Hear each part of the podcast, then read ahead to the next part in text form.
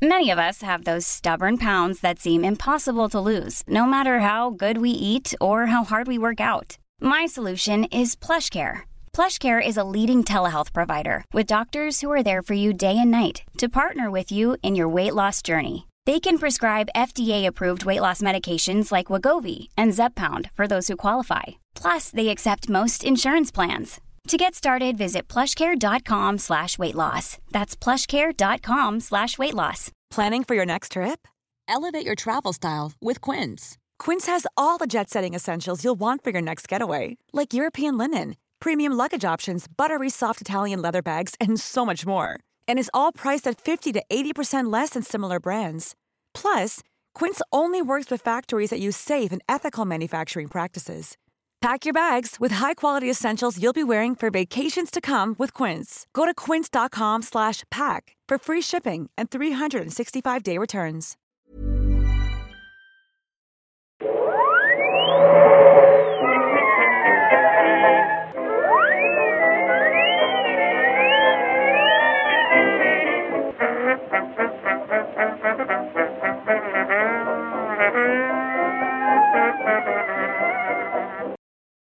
Då börjar jag i stort sett bara.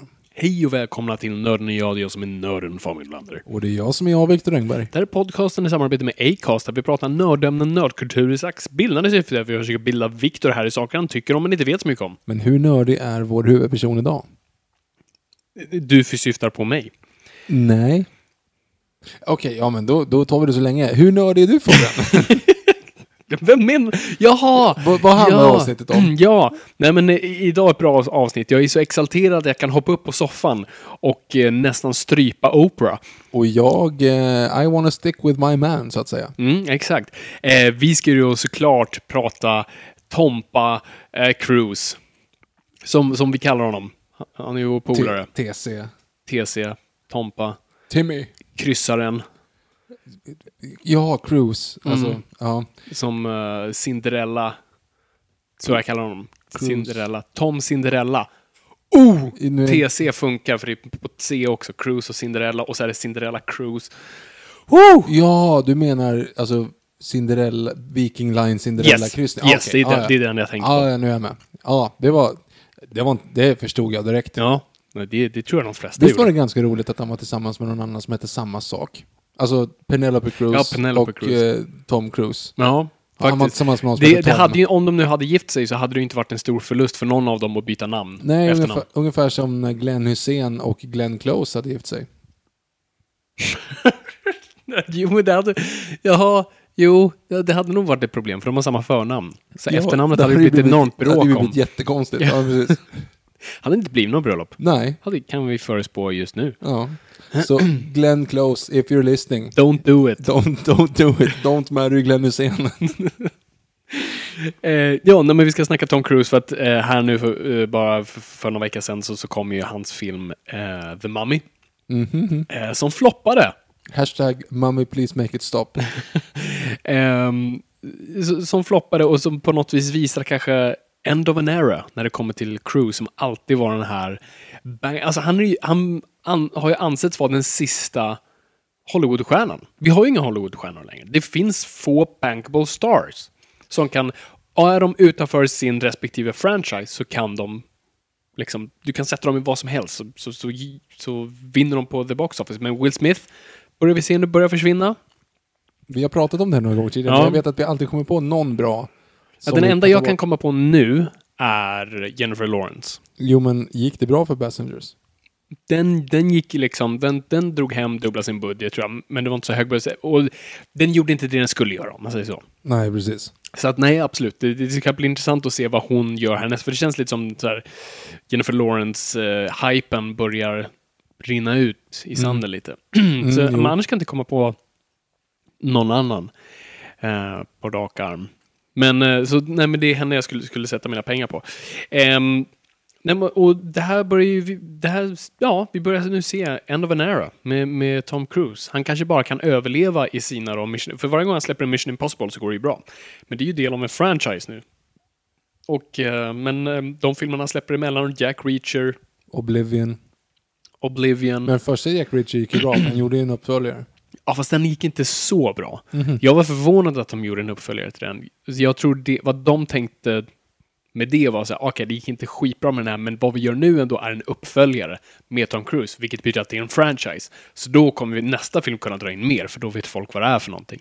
Men icke sa Nicke. Icke sa Nicke. Det var länge sedan jag hörde det uttrycket. Ja, eller hur? Vad tänker du på när, du- när, du- när man säger icke? Nyfiken. Eller hur, visst gör man? Men det har ingenting med saken att göra. Nej, det tror jag inte. Jag tänker bara att liksom, han, so- so-snubben som äger Nicke, så Mm. icke sa Nicke. Mm. Ja. Och han sitter där på en bänkrad i en rastlös sen april och tittar över axeln och ser Nicke blinka till. Han kan få dig när du vill. Eh, det är ju en man i den gula hatten. Okej.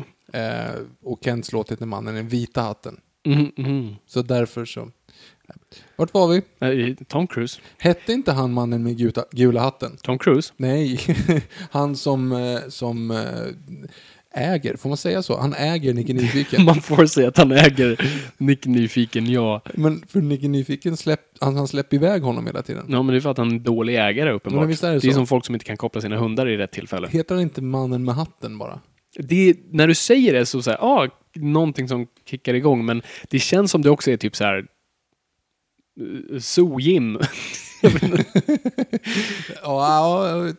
Fast Men det är kan vara mannen med gula hatten, för berättas det utifrån Nick Nyfikens perspektiv, då, då skulle jag ju tänka mig att han säger ah, snubben i den gula hatten. Om man vet Jo, men- konceptet av en hatt. Jo, men eller så, Men eller så blir han, åh, min kompis. Istället för, Mm. alltså, ja. Undrar om apor tänker färger, det är mest det jag tänker bara utifrån att det skulle vara. Om de tänker färger. Ja men alltså såhär, åh det där är gult, Det det, där är är, gult. liksom någonting du ska... Det, det, Om det är ett- något djur som skulle göra det så är det liksom. väl de, eller typ delfiner. Jag tror faktiskt de tänker i form av färg. Jo men alltså jag menar, om det skulle vara en kanske inte ser färg de, dock.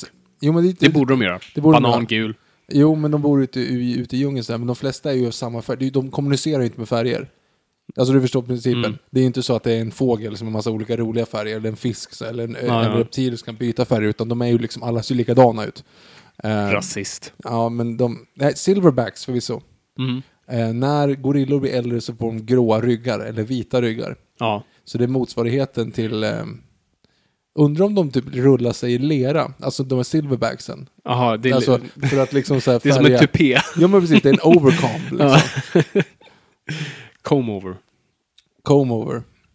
Eh, Ehm, ja, på tal om comb overs, Tom Cruise. han är ju inte en comb over. Han ser ju superfräsch ut. Mm. Eh, men jag har hört eh, ryktesvägar att de nu använder avancerad digital teknik i hans filmer för att piffa till honom lite. Alltså nu när man kollar inte på vad de gjorde med Michael Douglas och Robert Downey Jr. i Marvel-filmerna, då kan de göra Benjamin, underverk. Benjamin Button. För jag tänkte på det, för i, jag såg Mumien och där är han typ naken, man ser inte allt men han är naken. Och jag tänkte shit, snubben är 55 eller vad han nu är. Skitfitt. Född 62. Mm. Då är han 55.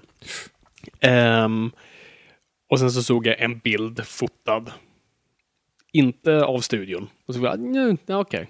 Där ser jag lite mer ålder. Så att, Men han är ju fortfarande väldigt vacker. ja, och, och tro för att vara 55, jag ska inte bara bu, ful. Så Johan Wanlo gjorde precis en sån, Den, ja, jag såg det. ja, Johan Wanlo gjorde bara en enbildsserie med en gammal gubbe, så här rynkig och hu, huden bara hänger, sitter framför en dator och skriver fan vad gammal Tom Cruise har blivit. Det är du. Det är jag nu. Ehm, nej, han ser ju fantastisk ut. Herregud, vem försöker vi... Vem försöker vi... Men Fabian, med. vem Men hur som är helst, Tom det Cruise? jag innan vill komma till det är att för det första säga, um, varför vi inte pratar Mumien är att ja, vi gör det en annan gång. Det kändes inte som den här filmen var värd att deala med det. Jag vill prata Universal-monstren, men vi får se om vi gör det, om vi ska ta varje monster för sig. Vi kanske gör ett, typ en Universal-månad, det är, eh, där vi betar av varje monster och deras respektive filmer, eller om vi bara betar av alla Universal-monster i ett svep. Ni kan ju höra av er på hashtag Noipod vad ni vill ha. Eftersom då det här är starten på Dark Universe. eller är det Eller är det? Baserat på siffrorna. Men världen verkar. Alltså, det är fel att säga... Ja, vi kan ju, ska vi komma till Mumien på slutet? Okidoki. Prata lite om box office-mässigt där, för det, ändå, det finns lite frågor om det faktiskt är en flopp eller inte. Ehm, men med Tom Cruise då, så vad, vad, vad, är det liksom så här, vad, är det som, vad, vad gör honom till en stjärna, Victor? Va- varför är Tom Cruise den här superstjärnan? Vad är, det- vad är det vi gillar med honom så mycket? Eh, jag tror att det handlar om att han bara har en överjävlig förmåga att eh, välja filmer. För jag, jag ser ju inte egentligen, det finns ju inget, ingen film där han sticker ut som att åh jävlar vad bra Tom Cruise är i den filmen. Jo, det finns nog ett par. Ja, du tänker på en, men nej. Och jag menar, Tropic Thunder är han knappt ens med i. Så att, nej, jag skojar. nej men alltså, är ju, han är ju ganska eh, associationsbar, heter det absolut inte. Att man, man får lite sympati för honom. Man kan liksom projicera sig själv i honom. Okej, du tänker det. Så det är en relaterings... Rela- Precis, han är liksom, han är vår straight guy. Ah, Han ja, är vår det, Harry Potter. det är ju en intressant grej. Men han är ju fortfarande eh, för jävligt jävla snygg, fit och liksom en übermensch. Ehm, Inte i Valkyria. inte i Valkyria, inte i Edge of Tomorrow heller. Ehm, Jag menar alltså, han är ju nazist. Han är ju inte ja, nazist då är han ju übermensch. Jo, fast han är ju inte det för att han... Eh, jättekonstigt. Eh, Vi, fortsätt. Nej, men, det, så, men det kanske är någonting i det ändå, trots att han ser väldigt bra ut, att vi kan se någonting i honom. Det kan ju ligga något i det. Jag, jag vet själv inte riktigt vad det är med Tom Cruise. Alltså nu är det ju mer för att man vet, alltså kontexten av Tom Cruise, nu, så här, jag förstår nu varför man gillar honom. Jag kanske inte riktigt greppade då, alltså på 80-90-talet mer att han kanske var snygg, alltså att han var bara liksom en hottie. Men nu är det ju så för att man vet att han han är ju så engagerad i sina filmer. Alltså man vet ju att han ger 100% när han är på projekt. Alla som jobbar med honom säger det så här, jag, jag har aldrig träffat någon som satsar så hårt som Tom Cruise. Jag har aldrig sett en person jobba så hårt som han gör. Han är där liksom 24-7, äh, kan alla delar av, av filmskapande och är trevlig mot alla, Eh, gör sina egna stunts, är liksom med bakom kameran och formar filmen. Och där, så där kommer jag in som någon som gillar honom. Så bara, ah, jag gillar någon som är, han är filmskapare trots att han är skådis, vilket inte oftast länkar skådespelare som. De står bara framför kameran och gör vad regissören och manusförfattaren vill att de ska göra. Men inte Tom Cruise. Han är del av filmskapandet. Så jag skulle faktiskt säga han är typ en av de få filmskapande eh, skådespelarna. Och det är därför jag gillar honom. Jag gillar hans engagemang och det skiner igenom. Kanske inte i Mumien. Men eh, Han var väl jätteengagerad i Mumien också. Jo, men han var ju jag, det fanns ju sådana här behind the scenes där man verkligen ser hur han så här, går in och gör de här stunderna. De sa här, det är helt sjukt för han skulle snurra liksom ner för en backe, men han måste ändå så hoppa upp för att komma in i bilden. Och så, det, han- det är så, han är så perfekt. Han bara, han vet exakt var han är i bild någonstans. Man behövde inte göra någon omtagning på det, för han vet exakt alltid var han är. Han, han förstår linser, han förstår komposition, han förstår allt. Så man, det, det ska man ge honom. Så jag tror det är därför vi och det är nog därför jag tror folk går fortfarande och ser Mission Impossible, för man vet liksom, okej, han kommer hänga på det där planet, och vi vet det. Alltså han har ju målat in sitt hörn med sina stunts. Alltså. Ja, och nu har vi ju hört om, för, inför Mission Impossible, vad är det? Fem? Sex. Sex blir det. Eh, så har han tränat för ett stunt i ett år. Vad fan ska de göra? Då har han liksom klättrat, hängt ner från världens högsta byggnad. Han har Mhm. typ hängt på utsidan av ett plan. Yes. Eh, så liksom, vad kan det mer bli? Vad kan man göra nu? Var kan han hänga ifrån? Ja, det, det är rymden vi snackar nu Ja, liksom. exakt. De kommer skjuta upp Tompa i rymden och så får vi se vad som händer.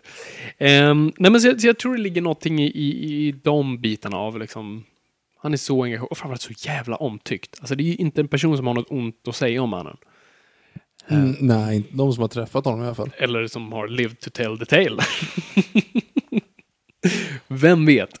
Ehm, ska, ska vi bara ge, ska ge en lite sån här snabb kurs i vad, vad, vem, var han kommer ifrån och vem han är? Gjort. Vi gör så här. Ja. Nej, men, eh, Tom Cruise då, som, som då eh, föds eh, eh, den 3 juli 1962. Vad tänker du på då? 3 juli. 3 juli. Om han bara då fött en dag till... En dag. Jaha, he was born the 4th, Fourth of 4th July. of July. Jag tänkte så Passande här, det hade varit. men var det inte i november de sköt Kennedy? Nej. Det var Tom Cruise. ja, okej. Han var född i alla fall. Ja. Ehm, 63. va? Det var 63. Det var nog 63, yes. Yes. Ja. Förlåt. Maila inte. Eh, nej. Och han är då eh, döpt till eh, Thomas Cruise Maypother. Maypother? Maypother? Maypother? Maypother? Ja, jag vet inte. Undercover brother. Just det, Maypother the fourth också. Så Mm. det är Tom, Thomas Cruise Maypother the fourth. Det hade Prosit. sett bra ut på en poster. Mm, mm, ja, jo. Det faller på tungan. Förutom Lika lätt som Zack Galifianakis. Men om det inte är så här, det är lite skillnad mot, ja men, eh, har du sett den nya Mission Possible? Ja, vem är med i den? Och så ska du rabbla de där fyra, rullgardina, Victualia, Efraimsdotter, Långstrump liksom. Det, är rätt, det blir lite sådär, det är inte så säljande. Nej, det är inte så säljande. Så det, det, man förstår att han ändå högg av Mass i Thomas och sen bara körde Cruise. Mm. Det, det är ju det är som bra Hollywood-namn. Tom Cruise. Mm. Brad Pitt. Brad Pitt är ju inte så bra. Ja, för oss svenskar är det ju konstigt, Ja, men för dem är det ju Ja, som vilket namn som helst. Det är som Svensson. grop är det väl. Gro ja, det har jag aldrig tänkt på, för jag tänker bara penis. Ja, jo. Men faktiskt, för dem är det grop. Japp. Vilket är ironiskt. Sylvia Trench. Grop. Penis. Sätt ihop den, bokstavligen talat. Nu börjar det spåra. Japp, låt oss- fortsätt. Vad har det här nu om det, Thomas den fjärde? Tom the? Eh, han är då född i New York, eh, Syracuse, eh, som ligger då strax utanför New York. Ehm, och han, ja, eh, ganska mobbad som barn. Han är dyslektiker. Woo! Ja, inte, alltså, inte kul, utan jag är dyslektiker, så det är så här, woo, en, han, så han är... en själsfrände. Fab- Fabian är dyslektisk, så han får prata om Jag det. får prata om dyslektiker. Jag får till och med dra dys... ost. Dysl... Oh, Jesus. Dyslexiskämt. På, på finska. Va? På finska Ja, på finska Ja. dessutom, eftersom jag är halvfinsk också. Ja.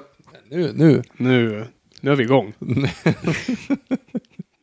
you can't touch me. Ehm, ja, så, men så han har, han har eh, lärsvårigheter eh, och lässvårigheter och, och allt sånt där. Och han har inte den mest komfortabla eh, skolgången.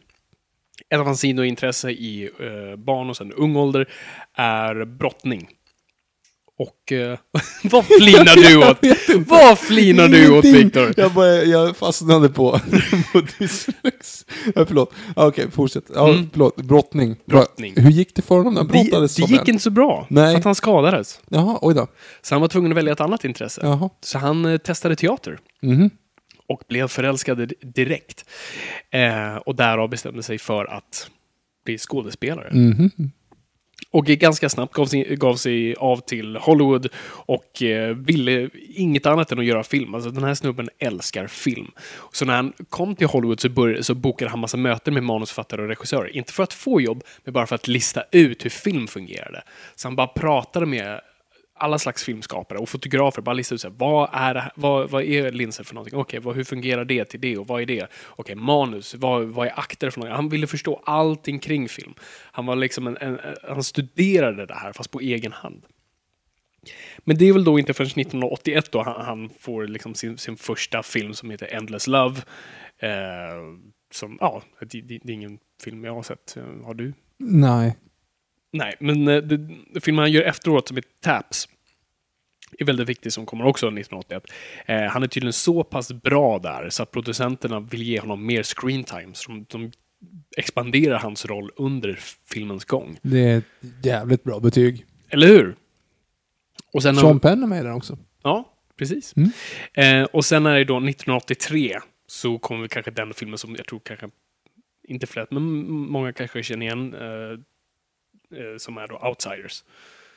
Inte sett. Inte sett, nej okej. Eh, jag såg, Jag, såg som den är i jag, skolan. så att du får liksom... Ja, just det. Nej, men jag såg den i skolan. det var jättelänge sedan jag såg den, men han hade en jättestor roll i den. Men sen framförallt 1983 också så kommer såklart filmen som cementerar honom i Hollywood. Dum, dum, dum, dum, dum, dum, dum, dum. Dum, dum, dum, dum, dum, dum, dum, dum. Glida in på strumpor. Yes! Precis. Nej, nej. Risky business. Ja. Eh, som gör honom både till, liksom, det, det blir den här tjejerna vill ha honom, eh, snubbarna vill vara honom. Eh, det blir en perfekt R-rated ungdomskomedi med perfekt mix av snusk och rebellskap och sådana där grejer. Alltså massa så här wishful fulfillment grejer. Tänk att vara ensam och starta ett horhus hemma. Ja, det är liksom Ferris Bueller's Day Off fast R-rated. Exakt så.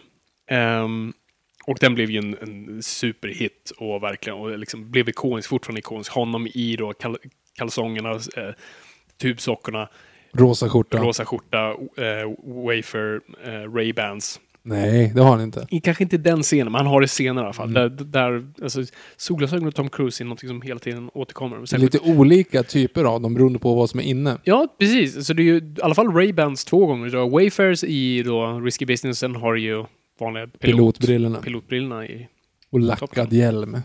Yes.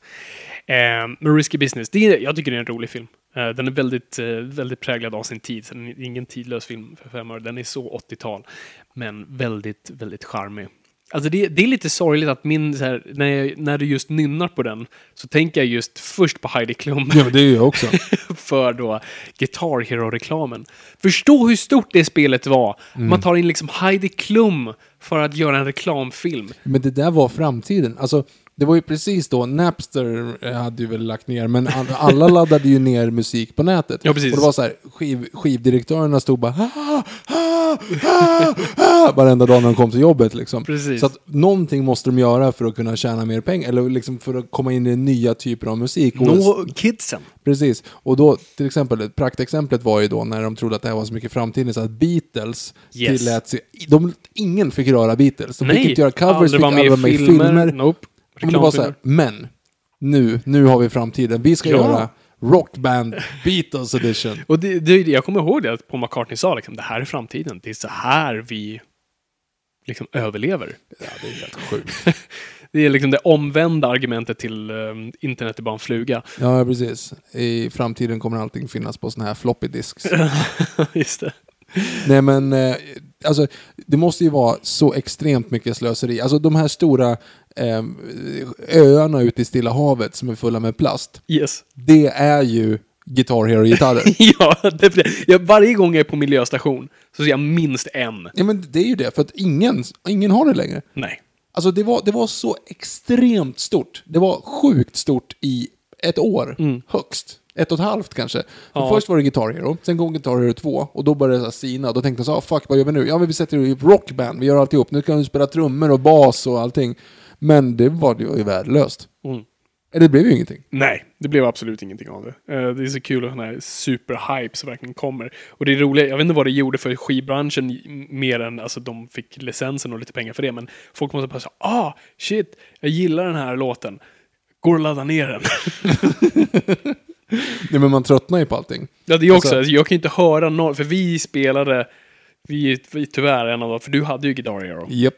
Så vi tillbringade, jag tror, någon jul eh, hemma hos dig och bara spelade sönder det spelet. Och så Kiss. alla de låtar nu är förstörda i mitt huvud. Kiss Strutter, eh, Danzigs Mother Mhm. och eh, vad fan var den, den där andra som man alltid spelade?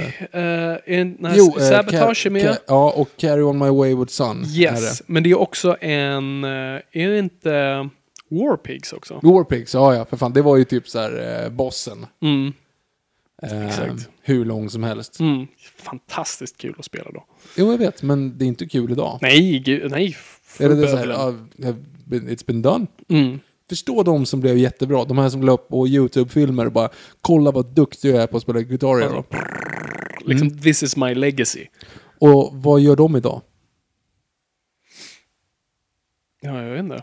Det är, ju- Nej, men så här, alltså, har du en gång lärt dig jonglera eller har du jätteduktig på något? men jonglera kan du i alla fall säga, kolla, åh, jag har tre apelsiner. Jo, men det är det jag menar. Nej, Alltså, fan, du kan ju inte träffa... Du, du, def- du är motsatsen till den personen som fortfarande är irriterande, men i alla fall lite duktig. Den som är på ett party och ser ett instrument, rör för helvete inte det instrumentet. Men om du gör det, så är du duktig. Kan du tänka dig då att sitta på en, på en fest? Mhm. Så här, du, du sitter, det är ändå lite, lite, lite tjejer och killar så där runt omkring och du känner att du är lite, du har lite längre hår och slitnare jeans än alla andra. Och så, nej, nej, men eh, jag känner att jag, ja, jag kanske ska ta Folkölsbruset kickar in. precis en eh, eh, rågblond nordisk prins, två dagars skäggstubb, t-shirt avklippta jeans. Och så tar du fram så här, ja, ah, jag känner att det kanske är läge, så tar du fram Guitar Hero-gitarren. Och så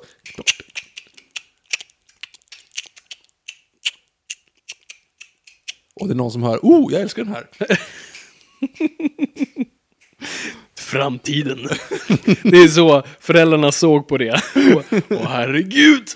Man måste sätta stopp. Men det var som, för det, jag kommer ändå, alltså med Singstar kändes som någonting som så här, det dalnade med tiden. Det, det är ju liksom det försvann, men det finns fortfarande lite sånt kvar. Men med Guitar det var som att någon bara släckte en lampa. Bara, så var det Mm. Men det var borta. ju för dyrt. Det kostade ju 4000 Jo, spänn nej, att köpa in grejerna. Absolut, men när du väl hade grejerna, det var ju alla de här extension packet, mm, liksom Jo men paketen. nya, det var ju nya gitarrer hela tiden. Så Ja, ja, det det också. Du kunde säkert köpa en sån här Gibson-version som var ascool och alldeles guld. Du kunde köpa Beatles-gitarren. I know. Det, det frestar den. Gjorde ej, för jag hade aldrig Guitar Hero. Men Jag tror jag hade kunnat gjort det ändå. det hade jag säkert kunnat göra. Hade de släppt en Floyd-version så hade jag vikit mig för... Bara spelat basslingan på Money. På vad då? Heter det inte Money. Money? money. Jag tycker som Mummy igen. Nej, Tillbaka nej, till hej. Tom Cruise. Money. Money. Ja, money. Det, är alla, det är en basling att tala om ändå. Ja, det Det är är den leder låten, Ja. liksom, men, men någonting annat Mm. hade varit lite... Ja. Vad pratade vi om tidigare? Jag tror det avsnittet handlar om Tom Cruise. Jaha, Tompa. Tompa. Ehm, ja, just det. Risky Business, Guitar Hero. Så var Där det. kom den ja. Där kom det. Ehm, nej men, eh, och efter det så var han ju liksom en, en stjärna. Eh, han hade, jag tror, en flopp efter det här och det var ju Legend. Precis. Eh, Ridley Scotts. Som jag ändå tycker är helt okej. Alltså, rent scenografiskt och designmässigt är den briljant. Man får väldigt mycket så här Guillermo del Toro-vibbar ibland. Jag rekommenderar att folk faktiskt går och tittar på den. Men storyn är sådär och Cruise är inte särskilt bra. Mm, Och det är deras fel att 007 Stage i Pinewood Studios brann ner. Var det de som brände ner den? De som brände ner skiten. Vilka svin. Jag vet! Det Så, är så hemskt mycket om ursäkt. Ja, det kan inte du bero på. Det är ju... Det, kiss och bajs, håll den. Det där rör hemma. eh, jag undrar, det är någonting med duvor här att göra. Hade duvor flyttat in under inspelningen av Legend och sen drog, eller dog alla, eller var det duvorna flyttade in? Ett, jag kommer inte ihåg. Det har någonting med duvor att göra den här storyn. Brände duvorna ner Pinewood Studio? de hade en komplott. Nej, nej, glöm min duvstory. De hade ingenting med det saken att göra. Jag, Okej. jag, jag lämnar dem fria. Mm. Ehm, Brände min bil mot norr. Ja, nej, men, men Legend i alla fall som, som blev lite av en flopp och, och på något vis en liten skada på, på den unga Cruise-karriär. Men sen kom ju då Top Gun. Eh, som verkligen så här, där, där, nu är han en stjärna. No matter what. Och det är ju här också, jag får mig att det är på inspelningen av Top Gun som några personer kommer fram till Tom Cruise och säger Hej, vill du göra ett personlighetstest? Mm. Aj då. Ehm, och där, och då joinar eh, scientologikyrkan. Ehm, vi har ju då blivit eh, rådda av vårt ehm, topp eh, advokatteam att, att vara väldigt försiktiga med vad vi säger här. Så Eh, du, ja, han fick ju hjälp där med sin personlighet och sen så är det ju ett fritt val vad man gör efter det. ja. Mm.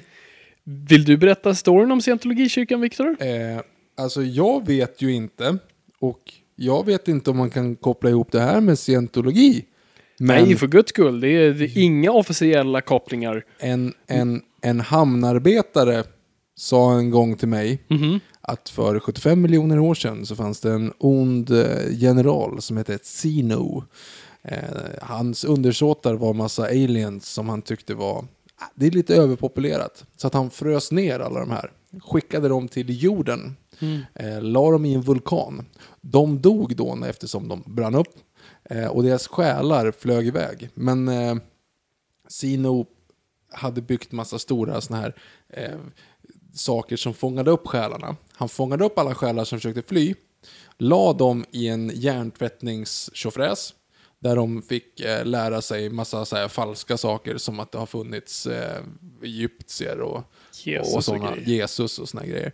Eh, och sen så släpptes de här själarna fria och eh, i flera miljoner år flög de omkring runt jorden och eh, till sist då så, så lyckades de hitta en, en bra art som hade utvecklats. Så det var människan.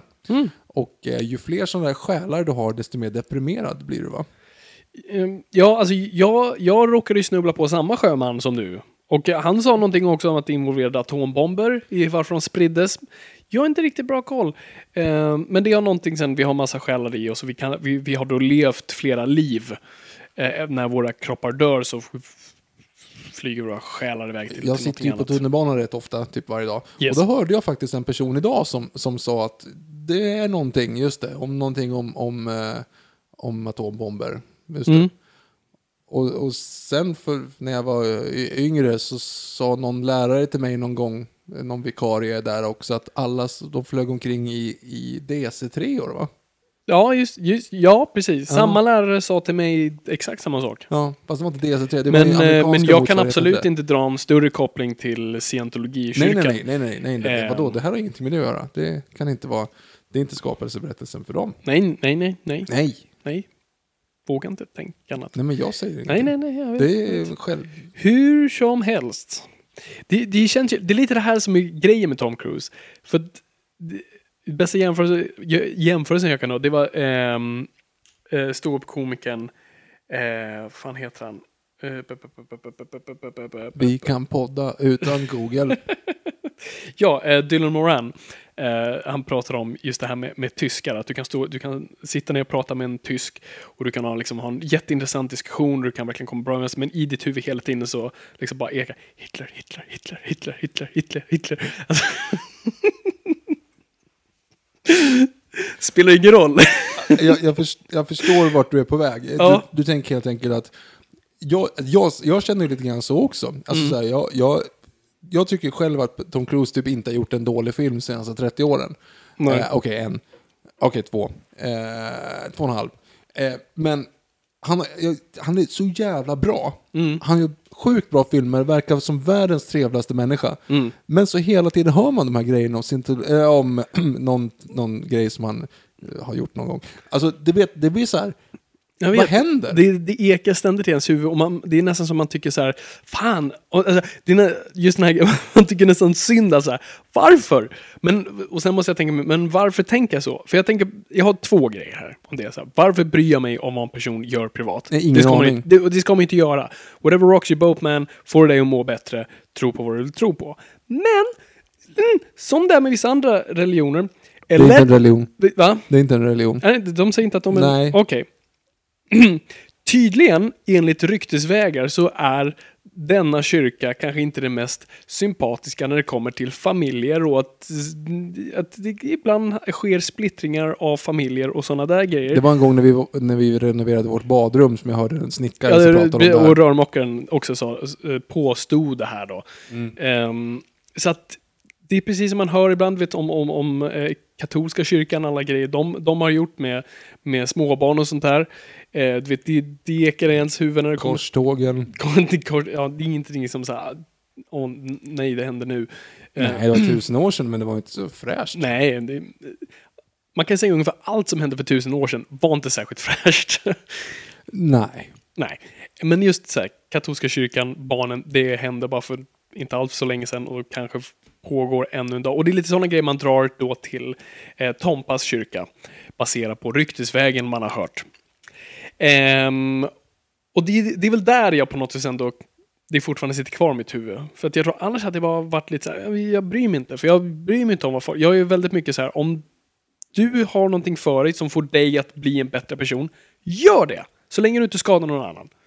Gör det. Men i det här fallet när man misstänker ibland genom vissa av, av folk man har hört som påstår saker om att vissa kanske har skadats, inte av Tom Cruise direkt, för han är jättesnäll, men av de involveringar han befinner sig i. Tydligen.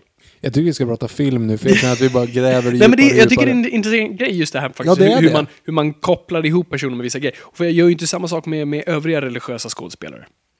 John Travolta. Ja, men det, han är ju i samma grop. Ja, du menar så. Ja, Ja, du menar överlag bara religiösa? ja exakt. Ja, men det är ju alla. all religion har ju lite weird stuff liksom. Men, men jag tänker just med, ja, ja, hmm. Ja det är en intressant grej det där. Mm. Stäm oss inte snälla. Vi har inga advokater, vi är, det är öppet mål.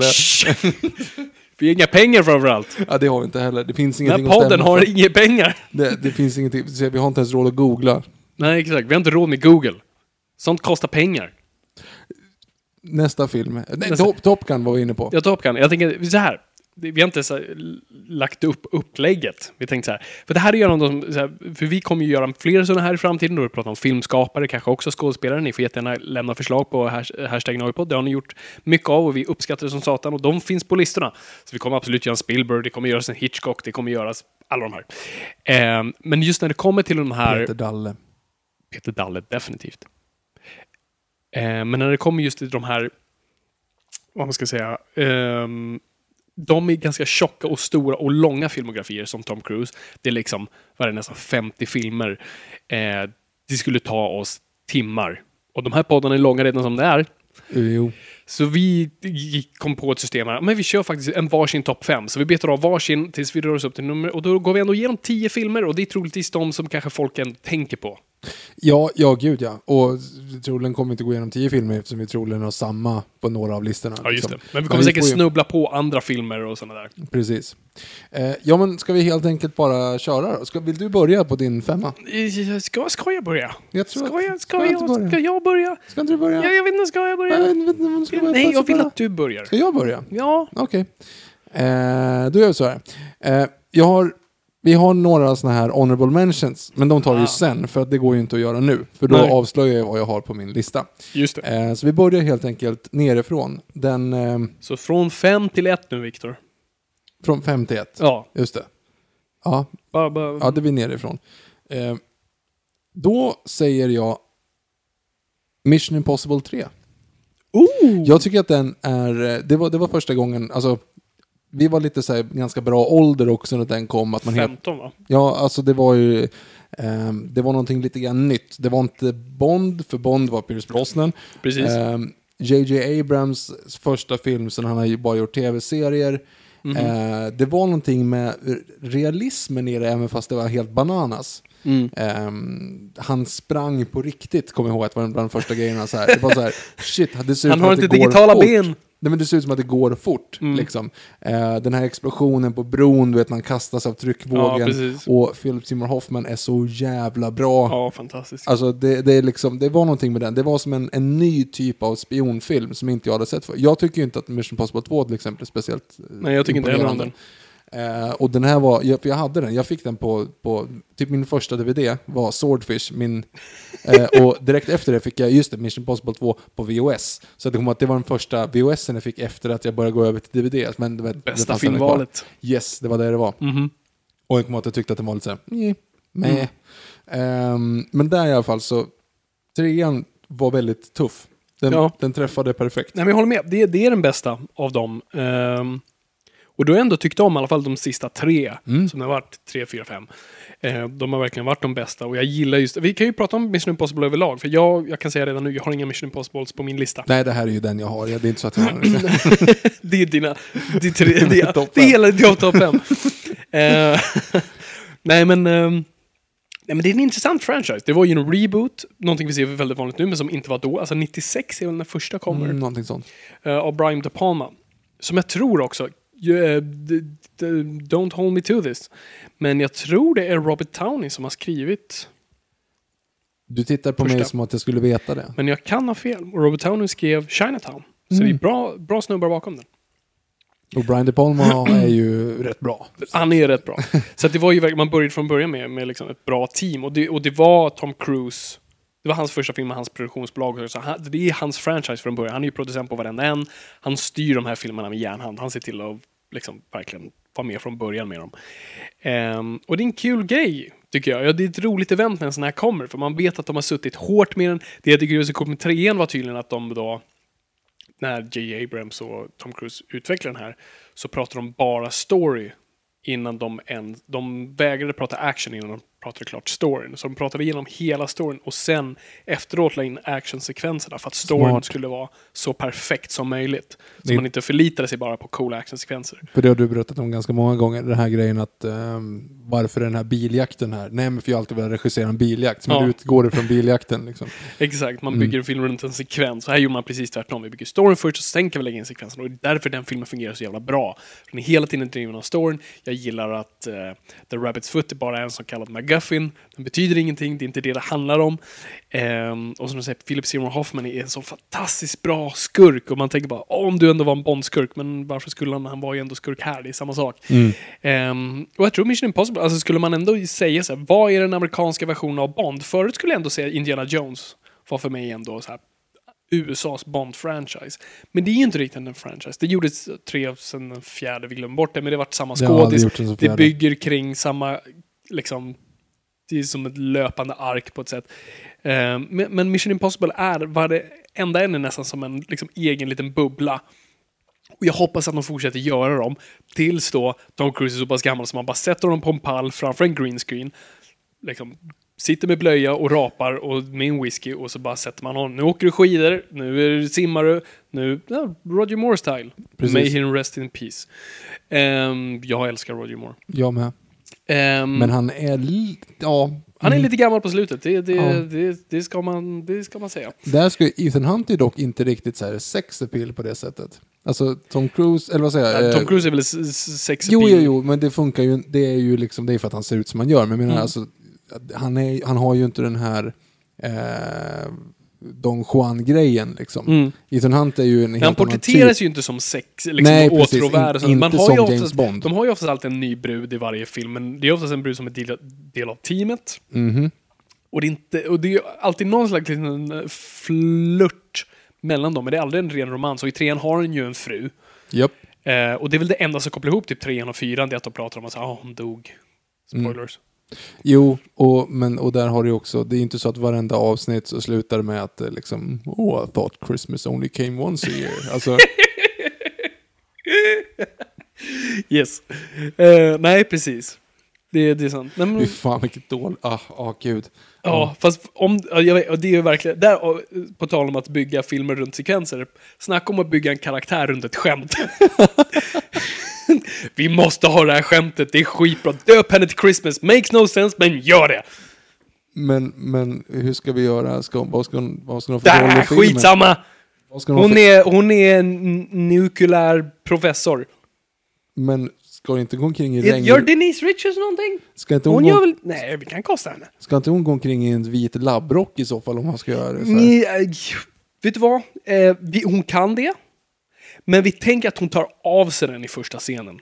Så vi ser att hon har den. Så då har hon, Men vi behöver inte ha då har den. hon ungefär som, är, liksom, alltså, som ett underställ så här, som är skyddande då för att hon håller på nere i Alltså mitt barn är ju väldigt förtjust i Tomb Raider. Har, har du spelat Tomb Raider? Playstation? Ja men det är Ett. väl en Vi säger inte ett, det är, väl det är bara Playstation. Det är väl en nidbild av Ja. Ska man- nej, men det, det är en cool dräkt. Det visar ändå så här, oh, hon kan göra saker. Det, det, blir en feministisk ikon av det helt plötsligt. Men det makes you no sense. Japp, japp, är- och, sen så, men, och, så, och så slänger vi lite att hon bara pratar lite så här teknisk mambo jumbo när det kommer till någon så här bomb som sprängs eller någonting. Men vadå, hur gammal ska hon vara? Hon måste, det är ju tio år i utbildning 19. minst. Vadå, börjar hon i, i småskolan? Ska hon- är smart! Ser, där får vi in feminismen. Hon är smart och ung. Men hon gör ju ingenting hela filmen. Hon Nej, det är Bond. Han gör saker. Hon kan hjälpa till. Hon är som hans assistent, sekreterare. Ja, men då är vi ju verkligen tillbaka på ruta ett. Vad, vad ska vi ha? sen? End scene.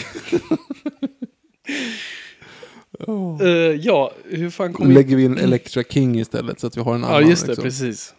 Som är en väldigt bra... Ja, jag är en försvarare av The World Is Not Enough. Inte förutom Christmas Jones, för guds skull. Det, det skulle ha tagits bort direkt som en blindtarm, men det är där.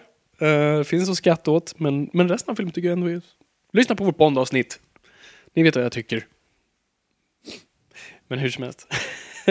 Mission Impossible, ja. Så att... eh, nej men så exakt, det bygger inte på romansen eller sånt där. Och, och egentligen, det jag tycker också är så fascinerande med de här filmerna, för jag har också pratat lite om så här, tanken med Bond där, att han inte har en karaktärsutveckling och sådana där grejer. Men, men det finns alltid en fascination med Bond och vi vill se en utveckling hos honom. Vi ser små grejer, ko- kopplingar till hans fru, till hans bakgrund. Vi vill få, en snippet av vad som är bakom personen. Och poängen är att vi aldrig ska få det. Vi vill inte se när James Bond börjar i skolan, eller liksom när han mobbas på skolgården. Du vet, vi vill bara liksom När han få... brottas med Greed och... Exakt. Vi vill bara se, liksom, höra om bitar av det. Och här är en intressant grej med Ethan Hunt, för han är ju också ett ganska tomt skal. Du, jag går ju inte och ser Mission Impossible-grejer såhär, åh, jag vill se vad, hur Ethan Hunt mår.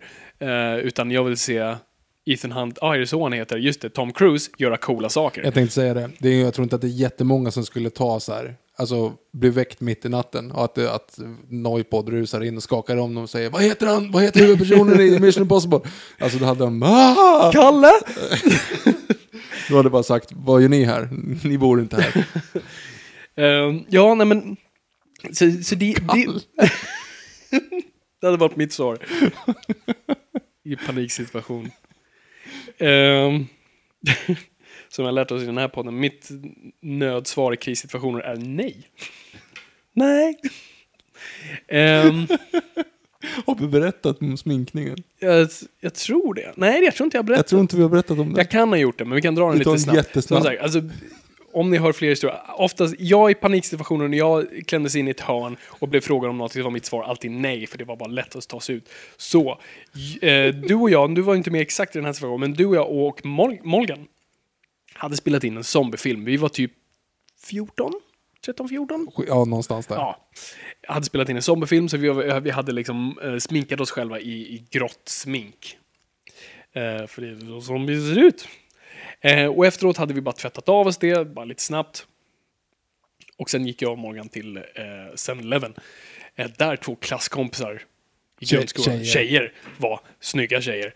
Eh, som, som jag aldrig pratade med för att, hej, jag Fabian, eh, dyslektiker som gillar Batman.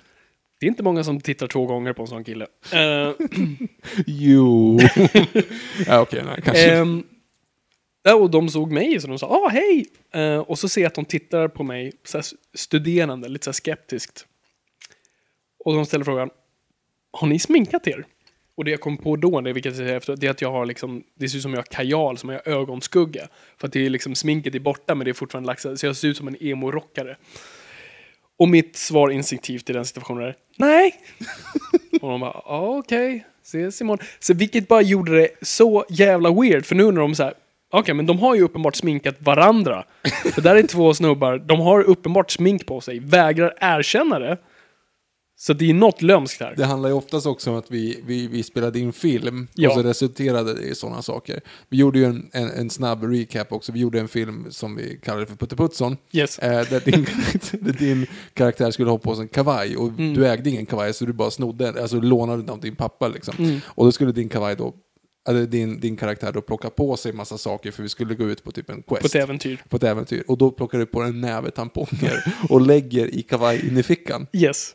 I scenen. Jättemoget skämt. Liksom. Ja men Mm. i scenen. Ja. Och sen så, ja, tar väl du av dig den och så slutar vi spela in och du hänger tillbaka i kavajen liksom. Ja. Tills min då far två dagar senare säger Son? Ja, pappa? Det är tamponger i den här kavajen. Har du lagt dem här? Nej. Också bara, hur rädd var jag för min far? Alltså, säg bara ja, vi filmar en film, sorry, de hamnade där. För liksom, han tänker nu bara, okej. Vad är situationen här?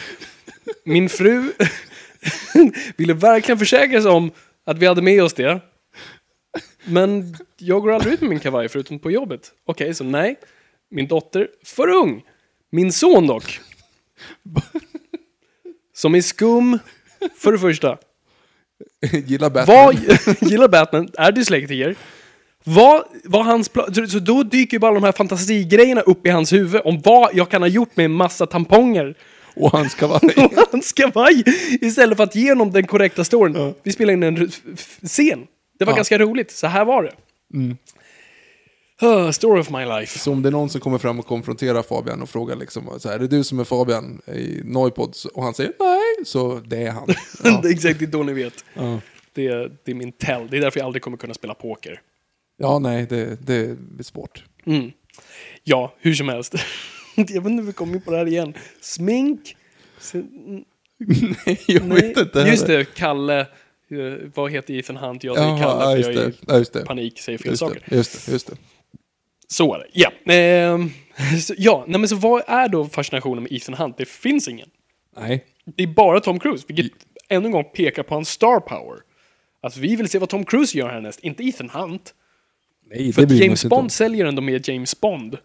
Du liksom, sen blir ju skådespelaren som är kopplad till Bond en, så, en bankable star och du vill liksom, ah, jag vill se honom göra Bond. Så att, men det, allting börjar med fascinationen med Bond. För när du castar den, för att Bond har ju aldrig varit känd för att casta superstars i rollen. Du tar en oftast ganska obskyr, antingen okänd eller tv-skådis eller teaterskådis som inte världen känner till. Och så sätter de rollen och så blir det en stjärna. Men, ehm, så där säljer ju Bond, men du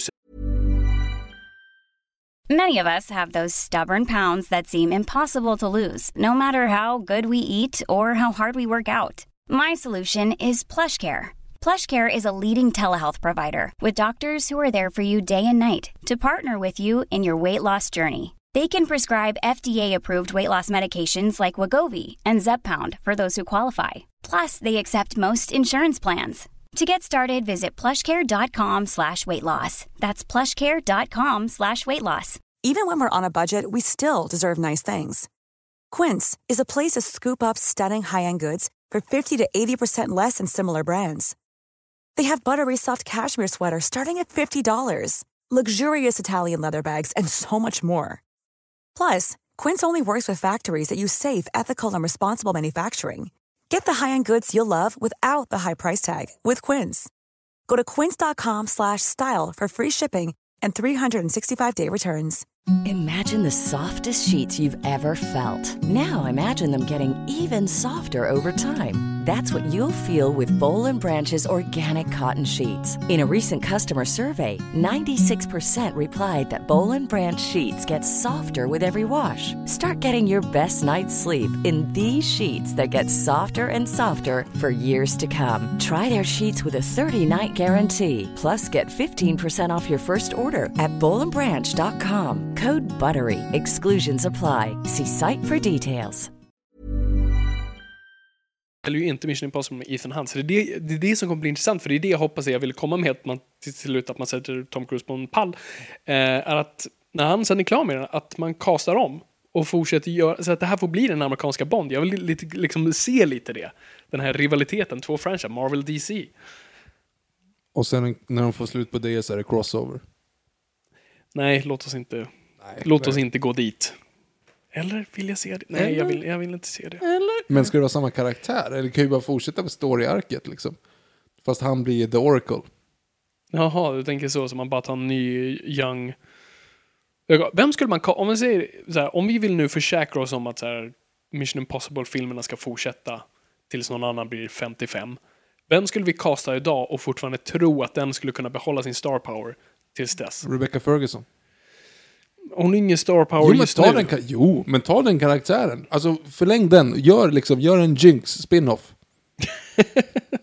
Okej, ja, men om vi bortser från folk i franchisen, jag tycker jag castar en person nu. Alltså Jennifer Lawrence är absolut där, Mm, men, men jag vet inte om det kommer hålla. nej. Jag tänker så här, i mitt huvud spontant Zac Efron, men Baywatch floppade precis, att nej, det kanske inte kommer Nej, gå. men han, nej, han kommer ju från High School Musical. Snart kommer det komma ikapp honom.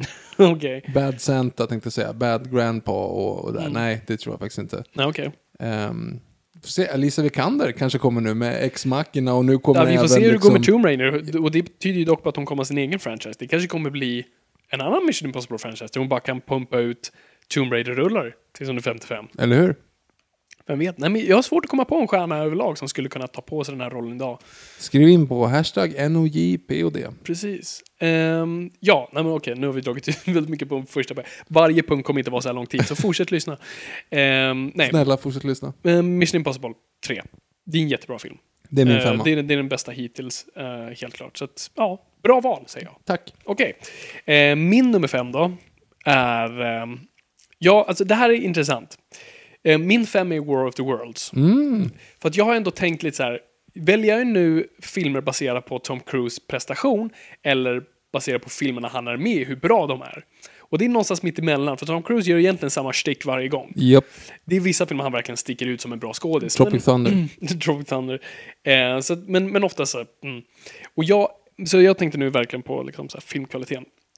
För att en av problemen med den här filmen är typ Tom Cruise, men jag kommer in på det. Älskar War of the Worlds. Alltså ju, ju äldre den blir, ju äldre jag blir, ju mer älskar jag den filmen. Jag tycker den är så otroligt briljant, så otroligt underskattad. Som troligtvis den bästa post 9-11-filmen.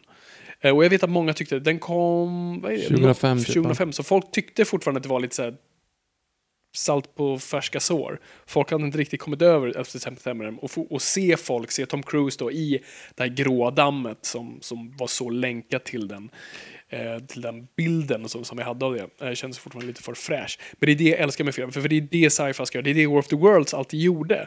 Alltså oavsett om det är då originalstoryn av H.G. Wells eh, eller om det är då Orson Welles radioversion eller eh, den första filmatiseringen och sen den här. De har alltid varit en sån bra reflektion av den perioden de släpps i.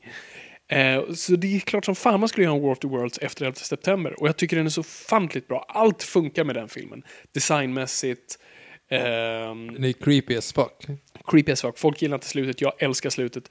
Eh, allt fungerar så jävla bra med den filmen. Jag tycker den är ganska bra. Men här är en intressant grej med Tom Cruise. För Tom Cruise var ju här då castad som eh, Everyday Joe. Eh, alltså en eh, farsa som, som jobbar på hamnen och så här, lyfter kran, inte lyfter kran, men jobbar med kranar. Och man tänker, det är lite det här med Grinders och Helicopter Pilot. Man bara, nope! Du är Tom Cruise! Eller som Arnold Schwarzenegger Total Recall. Att han skulle Ja, just där det. så- Alltså, han skulle bara vara den här vanliga snubben som inte alls var en actionstjärna, som sen visade sig bli en actionstjärna. Va? Det är Arnold Schwarzenegger. Snubben kan knappt prata, han är till för att slå folk. Vad tänker ni på? Ehm, nej men så, så det är en intressant grej. Det är roligt när de väl castade Tom Cruise och eh, David Kep som skrev manuset tänkte då så här, ah, det här var ett intressant val. Ah, men om jag ändå tar in det lite i manusskrivandet, så han tänkte på att det här skulle vara den själsliga uppföljaren till Top Gun. Att det här är då när Maverick är 40, liksom förlorat frugan och liksom down on his luck och måste skrapa ihop sin familj igen. Vilket är en ganska kul grej om man tänker det på så vis. Men fortfarande, han är ju fruktansvärt snygg och charmig. Eh, Springer likadant som Ethan Hunt. springer likadant som Ethan Hunt. Men det, det, det jag märkt kommer vara lite av ett tema i, i, i början på den här listan, är att vad Spielberg ändå var så bra på var att göra ändå Tom Cruise till en anti-actionhjälte för att han satte honom i så skitiga och desperata situationer. Man såg alltid Cruise, alltså han är ju superdesperat i den här filmen och, han verkligen, och här får han verkligen kämpa med sina skådespelarmuskler. Att vara en person utan hopp. I en värld där inte, han har en familj som han knappt känner och kan och så är, håller världen på att falla samman. Och han förstår inte hur han ska connecta med något eller ens finna hopp att göra det. Och jag tycker han faktiskt levererar det väldigt bra. Ehm, så jag, inte, jag bara tycker väldigt mycket om det Tom Cruise gör i den här filmen, trots att han är felcastad. Men han gör det bästa han kan av den filmen. Och filmen är, är fantastiskt bra. Jag gillar filmen också, men, men kanske inte som du. Men jag tycker att den är helt okej. Och jag som sagt, som sagt, slutet är fantastiskt. Mm. Det var klockrent. Ja, och det är precis som i boken. Alltså det är, det är så det ska vara. Så är det. Så det var min nummer fem. Ska vi hoppa till din fyra? Min fyra är... eh, Jag antar att den här kommer komma högre på din. Men det är Magnolia. Ah. Eh, Ja, men då, ska jag vi låter... väntar in den på dig? För jag tror att den kommer komma högre på dig.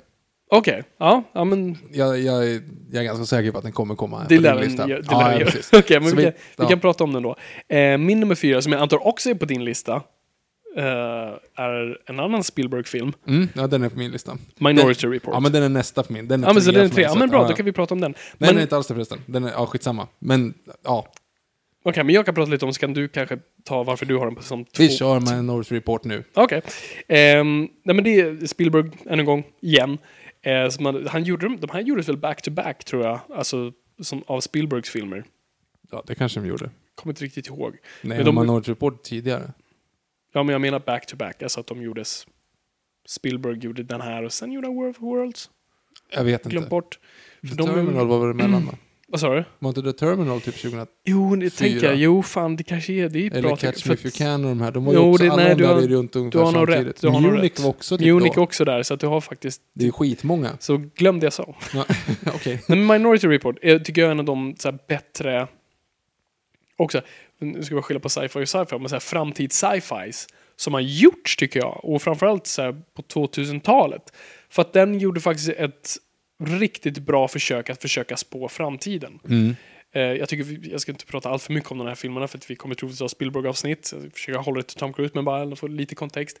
Eh, för Spielberg anställde ju massa så här ingenjörer och forskare och sådär bara för att lista ut så här, hur skulle sådana här grejer se ut i framtiden.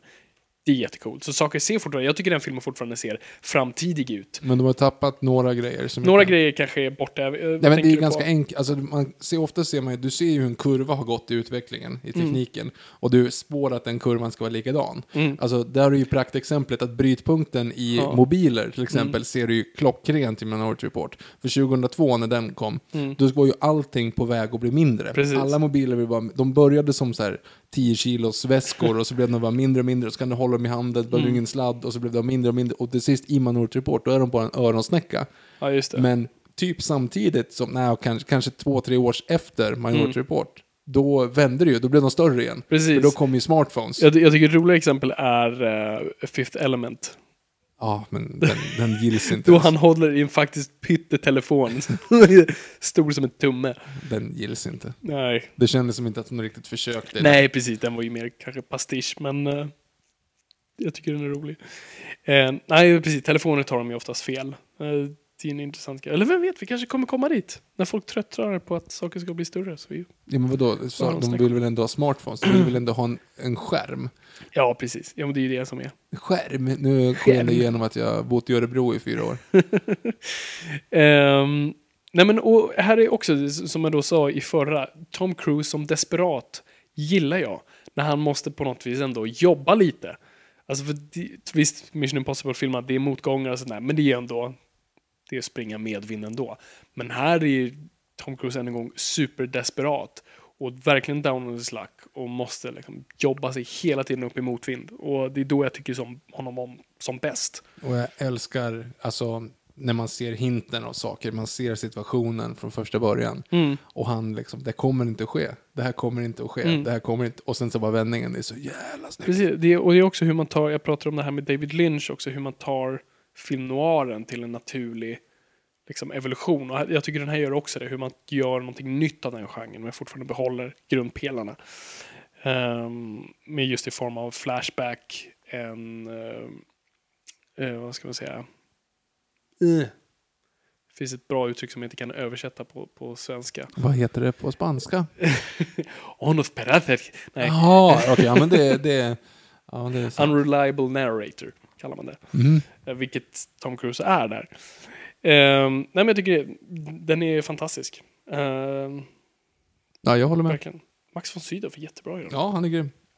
Eh, men det är din, det är din, Det är min fyra. det är din fyra. Och jag vill bara säga ehm, också att Roger Ebert, den, en av världens bästa filmkritiker någonsin, May he rest in peace, hade den som bästa filmen det året den kom. Vilket var ganska sjukt, att Roger Ebert valde typ en blockbuster stor rulle. 2002, då kom ju ändå liksom Spider-Man, Two Towers, Mm. Swordfish? Nej, det är året innan. Ja, nej, det är bra Mm. år. Det är bra. Eh, min trea, Mhm. Collateral. Det är min tre också. Ja, kul! Så då kan vi prata om den. Yay, Collateral! Jag ska verkligen kolla den. Ja, det jag tycker den är fantastisk. Eh, det är året innan eh, World Wars, det vill säga 2004. Alltså satan vad bra han var mellan typ 95 och 2005. Ja, det är bara så här wins, wins, wins.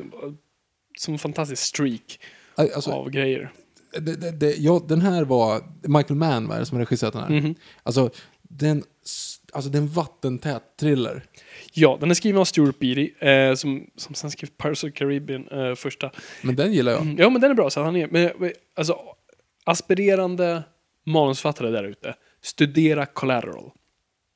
Troligt, alltså precis, ska man säga. Är det bästa manuset någonsin skrivit? Nej, men strukturellt är den perfekt. Alltså vill man kolla på hur struktur fungerar och hur karaktärsutveckling fungerar och etablering av karaktär fungerar så är den perfekt. Så verkligen titta på den. Det är så bara liksom, vill du lära dig skriva manus, kolla på Collateral. Ehm, den är, och den är, det är en skittajt thriller. Mm, och jag framförallt här den är var, tror jag, första gången Tom Cruise spelar en bad guy. Ja, just det. En antagonist. Det hade man aldrig sett tidigare. Eh, och jag tror det också var den första filmen, jag kan ha fel, kan vara också andra filmen han dör i. Mhm. Tom Cruise Spoiler. dör aldrig. Spoiler. Ja, just det. So, sorry. Ja. Eh, den är fan, hur gammal är den? 2004? Sa Ja. Ja. Nej, men den är, den är fantastisk. Alltså den är superbra. Har ni inte Mm. sett den, nu vet ni hur den slutar, men se den. ja, fast det är mer till den. Jag har inte mer liksom. "Ah, dör hon inte, utan som sagt, det har med vad karaktären är på väg någonstans. Ehm, nej, men jag, framförallt hur, alltså hur, här ser man verkligen hur duktig Cruise är. Det finns en otroligt bra grej han gör när han dödar då en av personerna han dödar. Ehm, Tänker du på eh, klubben? Yes. Ja, den är... Ja, Alltså, yes. ja, ja, ja Mm. precis. Det Nej. finns en blick när han har gjort det. Det är någonting som förändras i honom då. Han, han fastnar kvar där när, när Jamie Foxx går. Och han fastnar och det är en blick han gör. Han liksom, det är någon, någon slags verklighet som greppar tag i honom. Det, den, bara den blicken är fantastisk. Det är mycket med hans blickar i den, den filmen. Eh, och Hela han, den scenen är fantastisk. Ja, jättebra. Eh, och liksom hur, han är ju så iskall i hela och här har ni ju, han är ju helt i grått. Grå skägg, grått hår, grå kostym, den grå kostymen eh, som är så ikonisk som oftast, handl det oftast handlar om identitet. När, grå, när en person bär en grå kostym så handlar det oftast om identitetskris eller fråga om identitet eller vi vet inte identitet. Det är, en, det är en intressant användning av kläder. Har inte Daniel Craig en grå kostym i Casino Han Royale? har nog all annan grå kostym i... Alltså, fråga mig så vet jag. han har en, en grå kostym, ja, i Casino Royale när han kliver av flyget på Bahamas. Eh, men han har också en grå kostym. Jag försöker tänka om han har i Quantum Solace. Jag tror det faktiskt inte. Men han har en grå kostym i Skyfall. Ah, Mörkgrå kostym i eh, eh, Spectre. Usual Suspect har eh, de grå kostym va? Han har en grå kostym i Usual jag Suspect. tror Tror inte det. Har någon en kostym i Usual Suspect? Ja, han som står längst ut. Han som man typ följer lite semiföljer. Ja. Skitsamma. Skitsamma. Men grå kostymer, kolla alltid efter den. Den är, den är alltid intressant använd. Ehm, ja, nej men... eh, han gör otroligt häftiga grejer här. Och det, är- det var en ganska kul grej också när han, när han då skulle preppa för rollen som ville Ma- Michael Mann på något vis träna om Cruise. För att här var ju också lite problemet. Du ska spela en person som ska bara smälta in. Du ska vara en person ingen ser. Du ska vara en skugga. Det är ett problem när du är Tom Cruise. Ehm, så att det han gjorde var att han lät honom vara i så här UPS-bud. Mhm. Det som går att lämna paket Mm. till folk. Och göra det. Så, men ändå så här, och se om folk kände igen honom. Och folk gjorde inte det, för det handlade så mycket om kontext. Så han gjorde sådana jättemycket. Och jag tror också han satt, satt sig ner och pratade med personer i en timme som aldrig kunde, som aldrig ens fattade att det var Tom Cruise. Jag tror någon sa någon gång under hans UPS grejen han Jävlar vad lik alltså, du är. Fan, du är lite lik Tom Cruise. Ja, tack. Ja, ingen har sagt det tidigare. Eh, så, det var, så det var också en kul grej ändå hur han, hur han gav sig in i den rollen. Nej, men jag tycker han gör jätteintressanta val i den. Och det är också kul grej av Tom Cruise att så här, gå emot sin image där. Vilket jag, han får för lite cred för det. För jag tror man ser honom som den här klassisk skådespelare som ska ha sin image, han har sina publicister och sånt där, han ska ha en viss bild. Men jag tycker så här, många av filmerna, och egentligen alla på min lista, går alltid emot hans bild. Jag tycker han är duktig på det. Samma sak med Edge of Tomorrow, det är en sån anti actionstjärna-roll. Ja, men det är ju det som, han blir tyvärr inplockad i ett fack lite grann. Som Mm. en Hollywoodskådis med, som en snygg Hollywoodskådis. Precis. Men han är ju typ inte, han spelar ju aldrig riktigt en snygg Nej, Hollywoodskådis det är förutom det som i Top är Gun. missförståndet. Och det, Ja. är- jag tror det är därför sådana här grejer som The Mummy och Day and Night inte fungerar. För att det är då när han är castad som den rena actionhjälten. Men han är inte det. Jag tycker det är... Han kan vara det. Han men kan vara det, men han, är det är inte det han är till för. Mm, nej, det är rätt. Ja, ja, men vad har du för eh, nästa då? Men nu är vi redan på nummer två. Ja, Det gick då, fort det här. ja, det går fort. Men min två har jag ju redan sagt eh, då. Ja, just det, men är För det det var ju någonting- Minority Report. Vill du tillägga någonting där? Nej men egentligen inte. Jag tycker bara att det är en, en väldigt cool. Det är ju egentligen en sci-fi och en framtidsrulle i, i allt liksom. I ett. Mm. Ehm, för att jag tror inte att någon trodde att man i framtiden kommer kunna ha folk som ligger i vatten och ser framtiden och Mm. spår brott. Men eh, ja, jag tycker att den är jättebra. Mm. Fabian, din två. Min tvåa. Ehm, ja, eh, det här kommer då... Jo, alltså, mm. det är Ice White Shut. Mm. Ja, det kunde jag nästan förvänta mig. Du har inte den på din lista eller? Nej. Okej, vad intressant. Eh, då har vi något att prata om. Eh, det är ju Stanley Kubricks sista film då, som man valde att, att göra med Tom Cruise och Nicole Kidman som då var gifta. Mhm. Det var deras tredje film ihop. De hade gjort ganska många. De gjorde den där som heter på svenska Drömmarnas horisont, men vad fasken heter den på engelska? Kommer inte ihåg. Den här när, de är, när han Lucky Charms, alltså han, är ska vara irländsk boxare. irländsk bare knuckle fighter. ja. Nej, jag kommer inte, ja, jag kommer inte ihåg vad den heter Lucky. Charms. Ja, precis. Eh, nej, jag kommer inte ihåg vad den heter. Eh, men så de hade gjort två filmer så här, och här gjorde de någon tredje och det, jag tror castingen var just för att den här, de visste att Stanley Kubrick var känd för att hans produktioner pågick väldigt länge så då var det ganska lätt att casta en faktisk fru och man att, för att då skulle de kunna vara ihop. Japp. Ehm, och jag, jag gillar Ice White Shut. Det är, inte, det är väl, den, det är väl en sån här Kubrick-film som folk kanske inte alltid... Folk, den delar många. Eh, men jag tycker om den. Jag tycker den är otroligt, en otroligt häftig film och en otroligt drömsk film. Um, och jag tycker Cruise är väldigt bra. För det som är så intressant med den är för just, alltså de kunde ju hålla på i veckor med en scen. Eh, då de bara gjorde om och om och om och om, omtagningar hela tiden.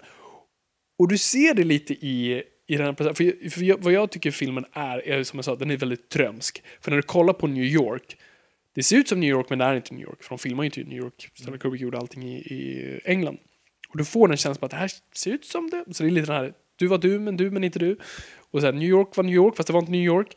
Ehm, och också när du repeterar, du vet, om du, har du provat det här, bara repetera ett ord tio gånger? Fläktrem, fläktrem, fläktrem, fläktrem, fläktrem, fläktrem, fläktrem, fläktrem, fläktrem, fläktrem. Okej, mm, tack.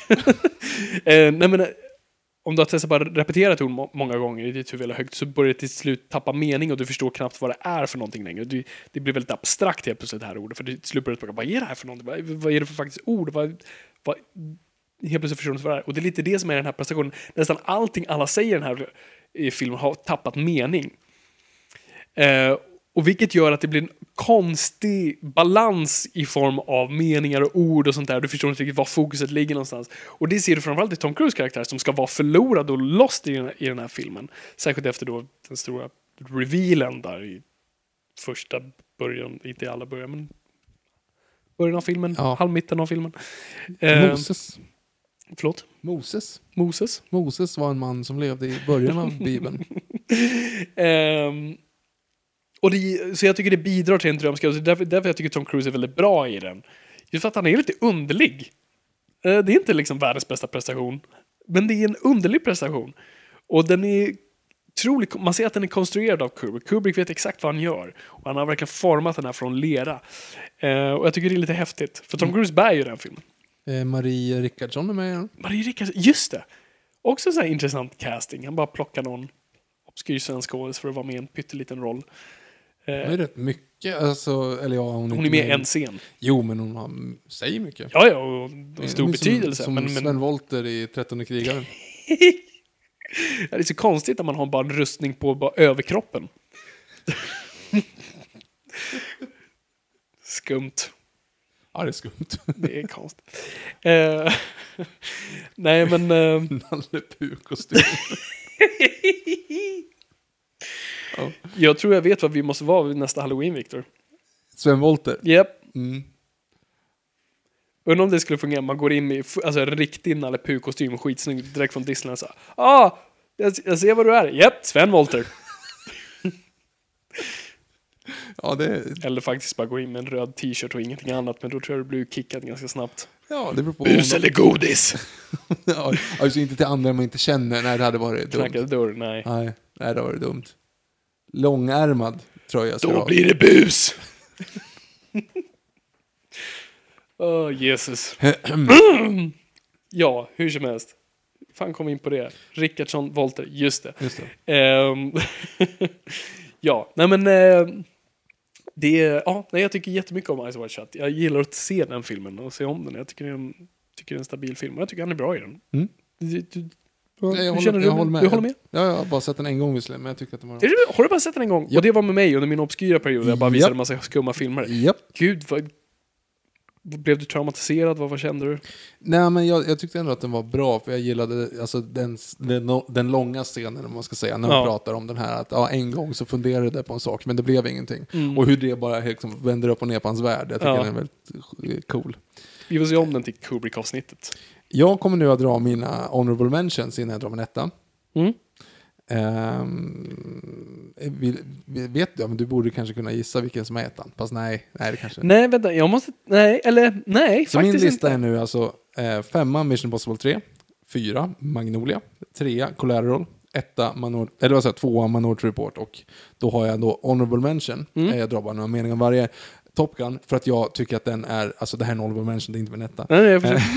Eh, jag tycker att den är eh, tuff. Kan vi Alltså, bara prata lite om, jag vet att vi ska gå igenom det snabbt, men jag vill bara, vi kan Top Gun är en stor film, vi kanske ska deala med den lite. Vi gjorde ju det. Top Gun? Snackade vi inte om Top Gun innan vi gick in och snackade Inte scientologi? jättemycket. Okej, ja, nej, vad vill de, vad Nej, vill du men veta om Top Gun? fortsätt prata om Top men Gun. Det är bara, den är så, den är så jävla quotable. Och Mm. det är liksom, den sitter där i populärkulturen fortfarande så extremt Mm. hårt.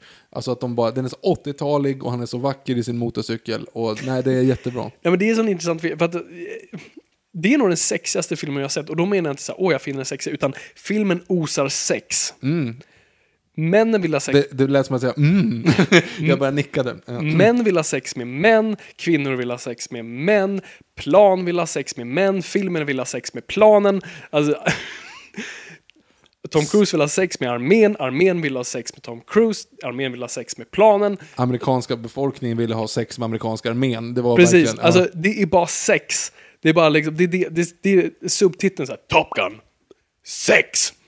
Eh, och så då komma, eller kolontecken, I've been to the danger zone. Mm. Exakt. Ja, Det, det är en otroligt underlig film tycker jag. Jag, är- jag, är inte, jag, jag, jag känner vissa människor. Jag vet en kille som, han ser, i alla fall gjorde, jag tror inte han gör det längre, men han såg Top Gun en gång om dagen. Han gick sen med Va? i armén, så den, den uppenbart funkade. han. Eh, men, men så vet, det finns de här Top Gun, de som älskar Top Gun. Jag, ja, jag har också Ehm. en, en kompis som är, som är stridspilot, eller flyger JAS, och de säger att de, de tittar på den ironiskt. För att det är Ja, så här, alltså förstå vad mobbad man skulle vara om man kom i en blank hjälm. Liksom, till, Jaha, är det, det, är en de grej eller? Ja, precis. Okej. Ja. Ehm, ja, nej, det, jag tycker det är en underlig film överlag. Det var ju propagandaverktyg, no shit. Men... Klart, den blir finansierad av amerikanska armén. precis. Men den är underhållande. Som sagt, den har en massa homoerotik, vilket är jättehärligt. Och, eh, ja, eh, och den har ingen story. Nej. De bara flyger plan. Och det är en liten kärlekshistoria inkastad där som är rätt creepy. Och sen så träffar han ju en tjej också. Ja, just det. Just det också. Mm. Det, är en, det är en underlig film.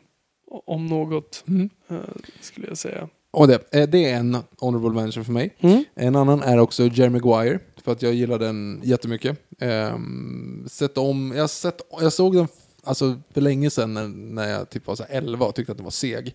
Eh, men sen så sett om den igen och jag gillade så bits and pieces som verkligen har fastnat. Alltså show me the money-grejen, men hela den här alltså, agent tjofräset. Det, det, är, ah, det är tufft, det är fint, det, det är coolt. War of the Worlds är också en honorable mention. Vad sa du? War of the Worlds, också en Worlds, honor, mm. honorable mention. Mhm. Jag måste säga, det är två filmer här nu som är lite guilty pleasure. Yes. Eh, men det är Last Samurai. Eh, Den, tror jag, den hade jag misstänkt var på det, för du var en av de här Last Samurai. Jo, jag vet. Jag, ja, jag vet. Jag tyckte att det, men det var ju också så här, jag var 13 när den kom. Det var liksom Swords and Sandals. Eh, makes no sense rent historiemässigt. Mm. Eh, men det var ju ändå liksom, det är en, en fascinerande period att, eh, att ha precis när liksom det- det feodala samhället med samurajer övergår i ett modernt västerligt samhälle i Mm. Japan. Det är ju ashäftigt. Däremot så känns det som att det är verkligen så här, "Haha, ni, ni, här, er kultur är in, intressant, därför slänger vi in en amerikan. Det var så här, nej, det och tror han jag blir inte. bäst. Troligen inte, liksom. Eh, så det Jag, tror, lite... jag kan tänka mig, av, av alla kommentarer vi kommer få på det här avsnittet så tror jag det kommer vara liksom Last Samurai for fuck's sake. Nej, jag tror faktiskt Tror inte inte? Jag det tror inte att den många har... filmfans som verkligen älskar den. Ja, intressant. Nej, jag tror, inte att, jag tror inte att den var så hård. Jag vet att folk i vår ålder i alla fall, som var liksom typ 13 när den kom, Jaha. och tyckte att den var helt fantastisk då, liksom att fastnade Mm. i den. Eh, det var också mycket så här, eh, ikoniska scener, ikoniska att ta i, men det, det är scener man kommer ihåg. Och sen då... Jag minns ingenting av den filmen kan jag säga. Jaha, jag, alltså, han var ju så fin. Och sen eh, en till film då som jag sätter ungefär under samma, eh, samma grej som, eh, som Last Samurai. Det är Valkyria. Brian Singers Valkyrie då. Mm. Eh, när han spelar von Staffenberg. Han som, eh, baserat på en sann historia, hur eh, det var en, en eh, eller massor av Hitlers eh, soldater som plottade mot att döda Hitler. Och eh, en av dem då som heter Stauffenberg, ja, plottade för att döda honom och det gick inte så bra. Men så den är baserad på en sann historia, regisserad av Brian Singer, vilket är ett väldigt Mhm. konstigt val av regissör, men jag tycker ändå att den har den har sina stunder och jag tycker ändå att det är A for effort. Vad, vad tycker du om den rent historiskt? Nej men den är ju ganska historiskt korrekt. Mm. Eh, är den. Men det är ju lite så här konstigt, alltså jag, jag stör mig på att det är massa britter som snackar, som snackar tyska, eller Mm. snackar engelska. Alltså, det är så här, fan varför kunde inte bara göra den här i Tyskland? Nej, för att då hade inte vi sett den troligen. Mm. Alltså det är det som är problemet. Så att det är en konstig film av Cruise att göra. Alltså för att allting, de går omkring och, och heilar. Och några är dessutom tyskar fast snackar engelska. Eddie Izzard är med bland annat. Ja, just det. Och han har lite av en accent va? Ja, alltså du vet det är så här, fast Gonna destroy the world! Ja, men det, det är lite så här halvkonstigt, men, men jag tycker ändå att, alltså, jag hade velat se den dubbad till tyska. Alltså, så här, Ja, faktiskt. alltså för att, Du för kan att, säkert hitta det på Blu-ray. Jo men det är klart, men jag menar, alltså, för, att se, för att få en annan bild av den, Mm. liksom, för att det blir fel att alla är britter. Vilket då? Kom inte det samma år som Untergang? Nej, den var, Nej, var tidigare. undergången tidigare. Mm. Eh, den kom 2008 eller något sånt där, 2009 typ. Mm. Men sen har jag då min, eh, min etta. All right. Som, Jag, jag, jag är fan osäker nu. Jag är kan, det så? Ja, jag kan inte riktigt komma på det. En, jag, film, en film som jag har sett två gånger de senaste tre månaderna. Jaha. För att jag är liksom så här, jag, jag såg om den. Jag för, har en teori, men okej. Mm. Okej, för jag såg om den och jag såg den när jag var mycket yngre. Okej, då Eh. är min teori borta. Mm. Jaha, okej, och så såg jag och tänkte så här, fasken, det är någonting med det här. Och kommer att det är scener av det som har fastnat, som man har så här, lite så här halvmardrömmar om. Och ser man om den igen och det är så här, fy fan vad den här är cool. Och sen nu har jag sett den två gånger eh, senaste, jättetydligt för att jag tycker att den är lång och episk och cool. Okej. Ja. Men du har inte, du, har du vet inte. Ah, nu tänker jag någon. Vilken tänkte du på? Vilken jag tänkte på som Ja. försvann. Jag tänkte så här, ja, du kanske har sett så här Edge of Tomorrow nu som du kanske så Ja, älskar. den gillar jag också. Den borde också vara honorable mention, så den gillar jag också. Ehm, men den jag tänker på nu, är det Vanilla Sky? Nej, den borde också vara en, en honorable mention, den jag men också. nu är jag helt lost. Jag kommer Interview, interview with a Vampire. Aha, oj! Alltså nummer ett! Ja, gud! Men- den är hur, okej. hur cool som helst. Jag kan förstå vad du menar, framförallt i form av en cruise-prestation. Ja. ja, men allting. Jag gillar även Pitt i den. Mm. Pitt. Eh, nej, men alltså, det, det finns så mycket liksom... Jag är också svag för den här grejen med, med historien, att det är liksom, vet, samma person som har levt genom en massa århundraden. Tanken bakom det här eh, Kirsten Dunst som, inte, som är liksom fast i en, Mm. i en barnkropp och är liksom barn i flera, i flera år. Vet, det, är så här, ah, det, det är så mycket sådana saker som, man, som Mm. tilltalar mig väldigt mycket. Jag tycker att den är eh, Ja, fantastisk. Tom Cruise är grym i den. Framförallt det. Jag tycker filmen är bra. Eh, Inte hysterisk, men jag, jag tycker om den. Eh, Men vad som framförallt sticker ut där är just Tom Cruise. Framförallt hur rolig han är.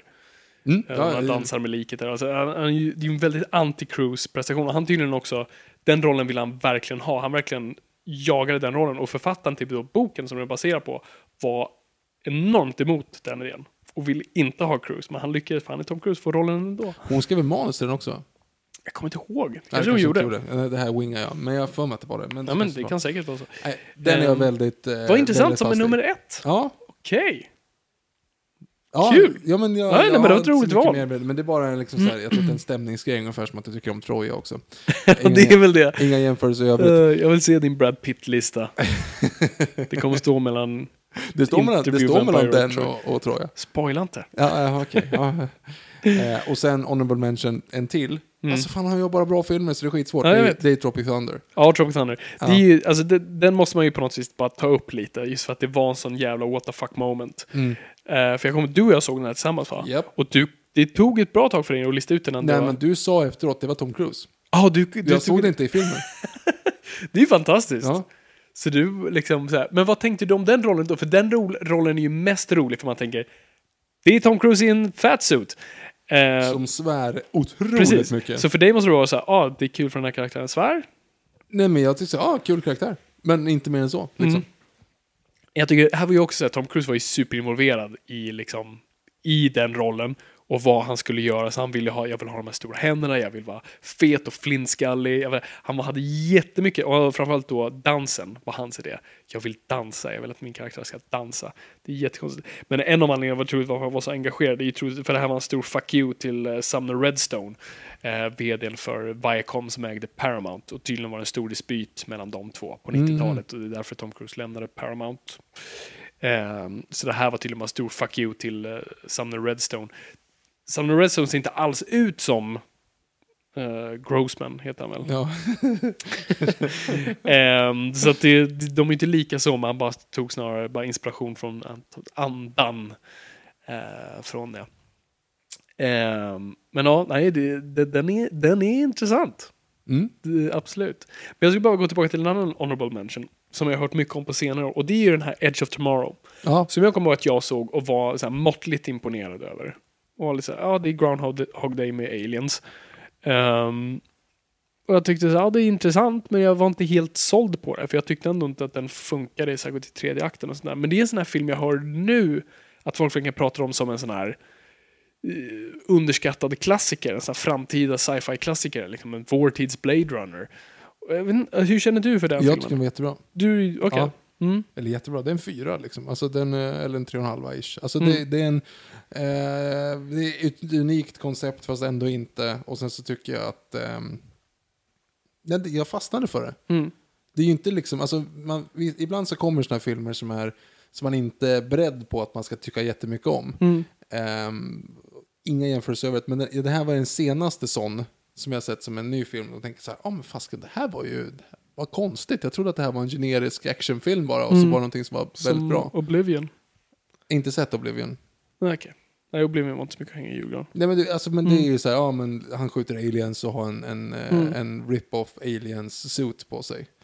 Eh, eller rip-off avatar beroende på vem som man, man frågar. Mm. Alltså, men sen så var, det- var det någonting extra i det och jag tyckte väldigt mycket om det. Mm. Nej, men det jag gillar med det är, så, det är också än en gång anti-Tom Cruise-roller som är så intressanta för att det handlar om en snubbe som misslyckas hela tiden, som dör hela tiden, som inte är den här hjälten. Man ser honom först som den här ståtliga generalen och man tänker att ah, det är Cruise och sen får man se att han är värdelös. Det tycker jag är intressant med den. Jag måste helt enkelt se om den och ombedöma den för att jag kanske missar någonting. Ja, du borde göra det. Och sen så, alltså det är ju lite, det är source code egentligen. Alltså det är ju samma, Ja, samma stuk. Mm. Eh, fast jag tycker att eh, de smällde på lite mer bombastiskt i den här för att Ja, få gud, det att ja. fungera. Liksom. Mm.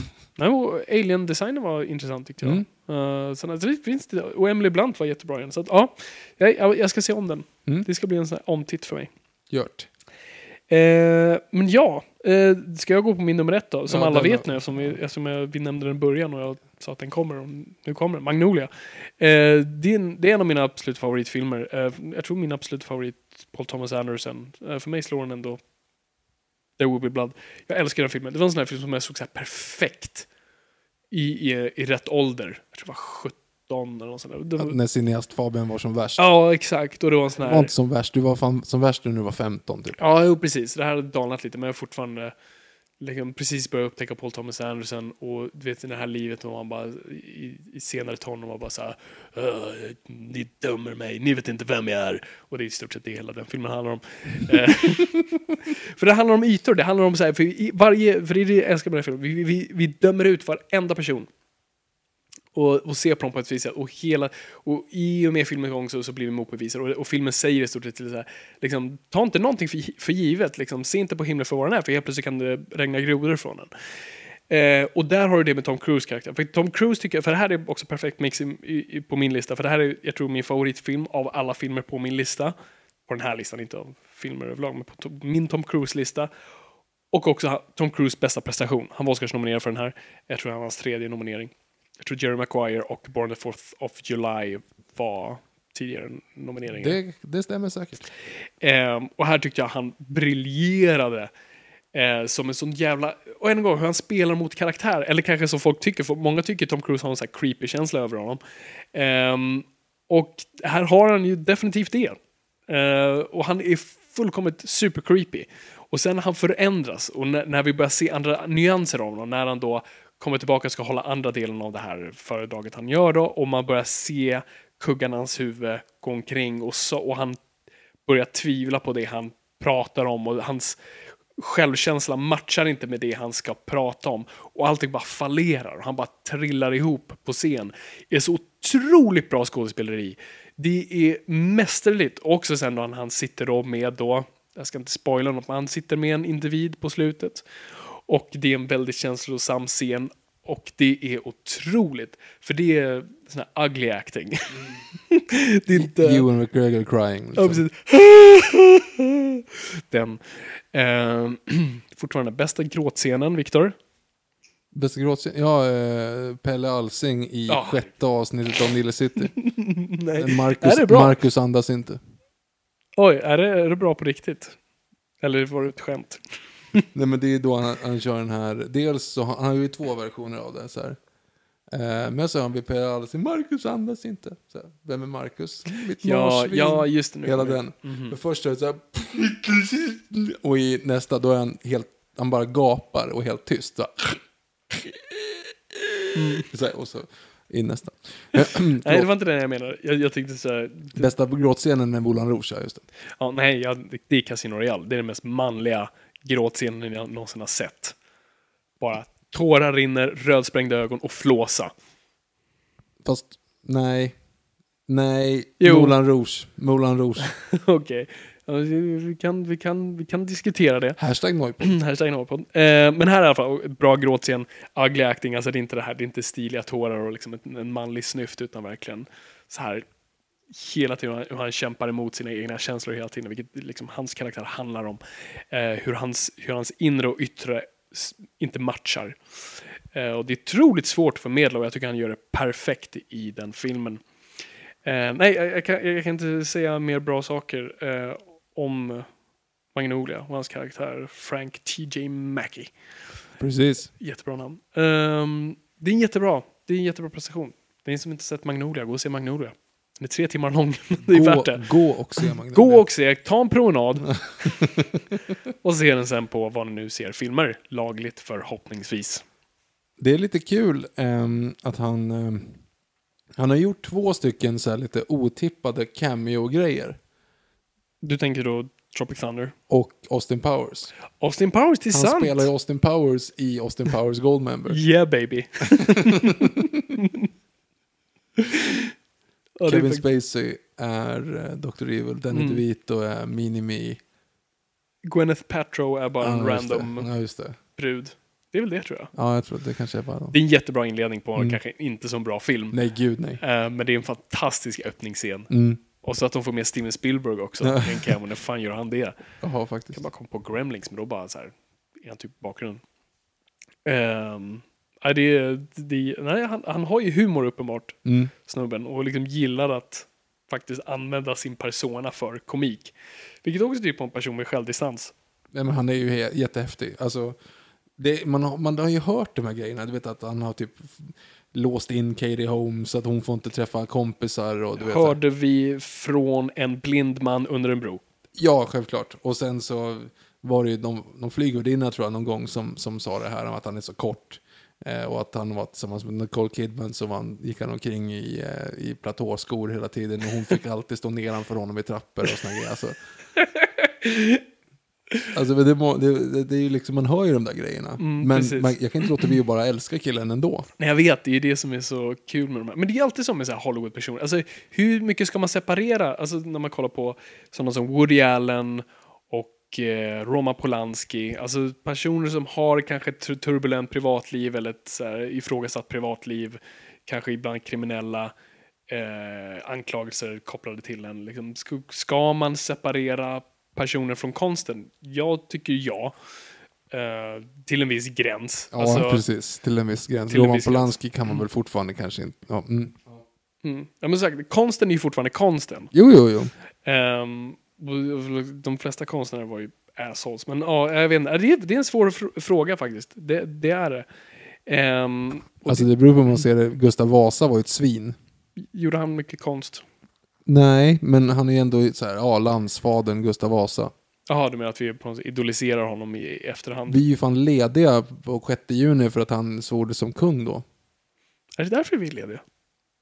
Sveriges nationaldag. Det är det som händer då. Och det är ju liksom, alltså, så mycket folk som han avrättade och så parano paranoid som han var. Alltså det är ju, Mm. Ja, men så är det väl med kungar överlag. Alltså vi har alltid idoliserat dem eller ikonig... Ikonig... Någonting? Jag kan inte komma på något ord. tyckte om dem. Ikonografiar dem? Nej, det tror jag Det absolut är inget inte. ord. Eh, nej, men man gör ju det med kungar. Alltså, men de, vilken kung var inte ett asshole?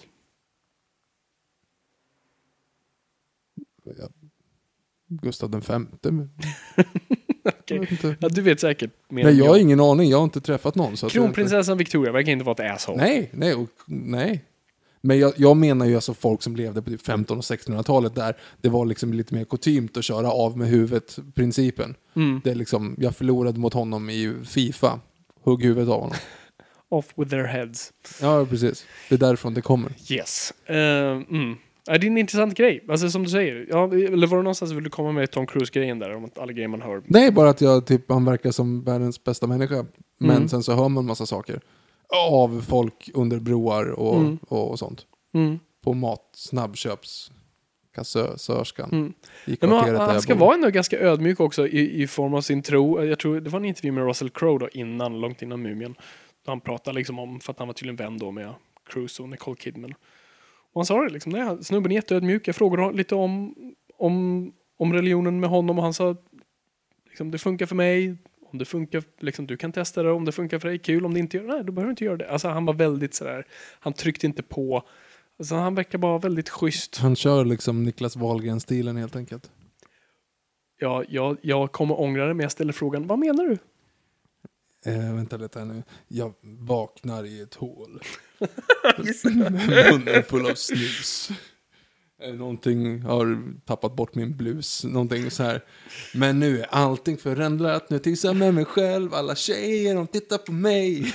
Och så då, det funkar på mig. Eh, Det funkar för mig. funkar för mig. Det funkar för mig. Det finns ingen annan än mig själv Det lät som du hjälper sa, dig. det runkar för mig. Nej, Men du, funkar för mig. Eh, runkar för mig. Nej, det hade inte funkat. Vänta, det funkar för mig. Det är dig själv som tänker dig, det funkar för mig. Eh, Och så, så kommer hon på att oh shit, jag står på jobbet och sjunger. Just och då det. säger hon, Funkar för mig. ja. Du vet att det är liksom en massproducerad reklam? Ja, jag Alltså vet. den, görs, den gjordes både på finska, danska och norska. ja precis. D- Antagligen med en ny person då varje gång. Så att det stod liksom Jo, jo. Niklas Wahlgren-versioner på rad och så bara, nu din tur, Jo men kör precis, din för att, version. alltså, tjejerna som står i bakgrunden och dansar, det är ju samma personer. ja, Eh, Alltså det är ju samma runt omkring. För hon är väl superdubbad hon som säger, Nej, nej, nej, nej, nej. Hon, hon är samma typ i svenska och finska versioner och sådär, Okej. för att hon är typ finlandssvensk eller något. Smart. Men de andra, de här cheerleaderna, är Mm. olika personer. Eller är samma de- personer. jag hoppas att de är olika de, personer. Mm. de är samma personer i alla reklamer. Yes. Så det måste ha varit så, så att, okej, eh, det var säkert någon typ, en, en Niklas Wahlgren-esk person som vaknar upp i sängen. Liksom. Ja, Sen bara, ah, nu får du flytta på dig, nu ska Jarmo in här, och så, nu ska du flytta, nu ska Preben in här. Och så, och så ut, alltså, nu ska Mette-Marit ner. Alltså det blir liksom, det, är- så fick de bara köra varje scen massa gånger liksom. Ja. Ja, det, det, det är en intressant grej. Mm. Jag stör mig lite på den här, för att jag, jag vet faktiskt inte vad det är för reklam. Jo, jag vet vad det är. Det är... Åh! fan heter det? Det är det här, det är det här läkemedlet som, som verkligen terroriserar. Nu kollar inte jag Ja, ja, ja. Provi, Där- Proviva eller vad det heter. Provi- Det är som alltid Proviva? gamla- Nej, så- Proviva heter det inte. Nej, kanske inte. Men det som alla gamla idrottare eller så här, gamla gubbar. Stig Strand. Så här, jag hade ont i ryggen. Ja, fast och sen så åt jag... Och nu kan jag gå varje dag. Och så ser man dem lyfta sitt barnbarn eller något. och så är de jättedubbade. Oftast. Nej, inte, nej, det är de inte. De Jo, de, använder de svenska. kör ju fin... Ah, Stig Strand är ju svensk. Mm. Men så är ju någon, någon eh, Ja, vattenskidåkare kanske i. Finland. De har dubblat, ja det är sant. Men vad fan heter de? Är det Provia? Nej, det är inte Proviva. Proviva är ju den här som dricker shotten för magen så att Ja, det blir bra det. i. Eh, proaktiv, proakt, aktiv, Nej, det- mel. Akt, Proactimel? nej, Actimel är ju också en sån jävla yoghurt du dricker. Pro, funkar för mig. Eh, ta två, det funkar för mig. Fan, jag kommer inte på vad det Okej, heter. jag tror inte det ska Skriv inte, Hashtag in, skriv inte Nej. in på hashtag Noipod. Vi behöver inte klogga igen vårt flöde med dem. Nej, kanske inte. Okej. L- Lämna det. Jag tror det. Vad, vad tänker vi om, om Cruise framtid? Vi har ju haft Mumien här nu. Eh, som, som jag kan säga eh, var inte en bra film eh, alls. Och Tom Cruise inte... Liksom, han är bara Tom Cruise. Han är varken bra eller dålig. Han är felkastad i alla fall. Och manuset är ofantligt dåligt. Så inte ens han kan rädda det. Ehm, och den, eh, jag tror... Vad, vad var det? Var det 30 eller 60 miljoner den drog in i USA? Det var helt sjukt. Det är inte bra. Mellan 30 och 60, jag kommer inte ihåg exakta summan. Men det var Tom Cruise största eh, premiärhelg någonsin internationellt. Oj, Jag tror de drog in 140 miljoner i världen. Va? Vart, vart, vart vill de se den där? Jag vet inte. Jag menar, så här, Korea typ gick alla och såg den. Och tydligen, Japan älskar Tom Cruise. Eh, tydligen har Japan aldrig besökts av en stjärna så mycket som Tom Cruise har besökt dem. De har tillägnat en dag till honom. Det finns en Tom Cruise Day i Japan. Det är väl Sista Samurajen? Ja, Delvis antar jag. Han var väl där innan också. Eh, men Sista Samurajen lär väl ha gjort absolut en hel del för dem. Um, nej, men så han är älskad i, världen fortfarande. Tom Cruise är Tom Cruise. Det är, USA har de över honom. De, de har gått vidare, men vi tydligen klamrar oss fast. Ja. Och det är väl fint att vi kan Det är göra väl det. fint det. Men jag undrar vad som kommer hända med honom nu. För det här absolut, i Hollywood kommer det så här, mm, jag vet inte riktigt. En 55-årig snubbe, liksom vars glory days are over. Och så kan man bara säga, alltså Jack Reacher, Jack Reacher 2, Oblivion. Vad är det mer han har gjort sen, alltså senaste tiden har ju inte varit någon jättehit Nej, det är inte liksom. varit superhittar alls. Nej. Jag tror inte ens Edge of Tomorrow var en superhit. Jag tror den gick okej, men det var Mm. ingen sån här... Den hade, hade i alla fall väldigt bra...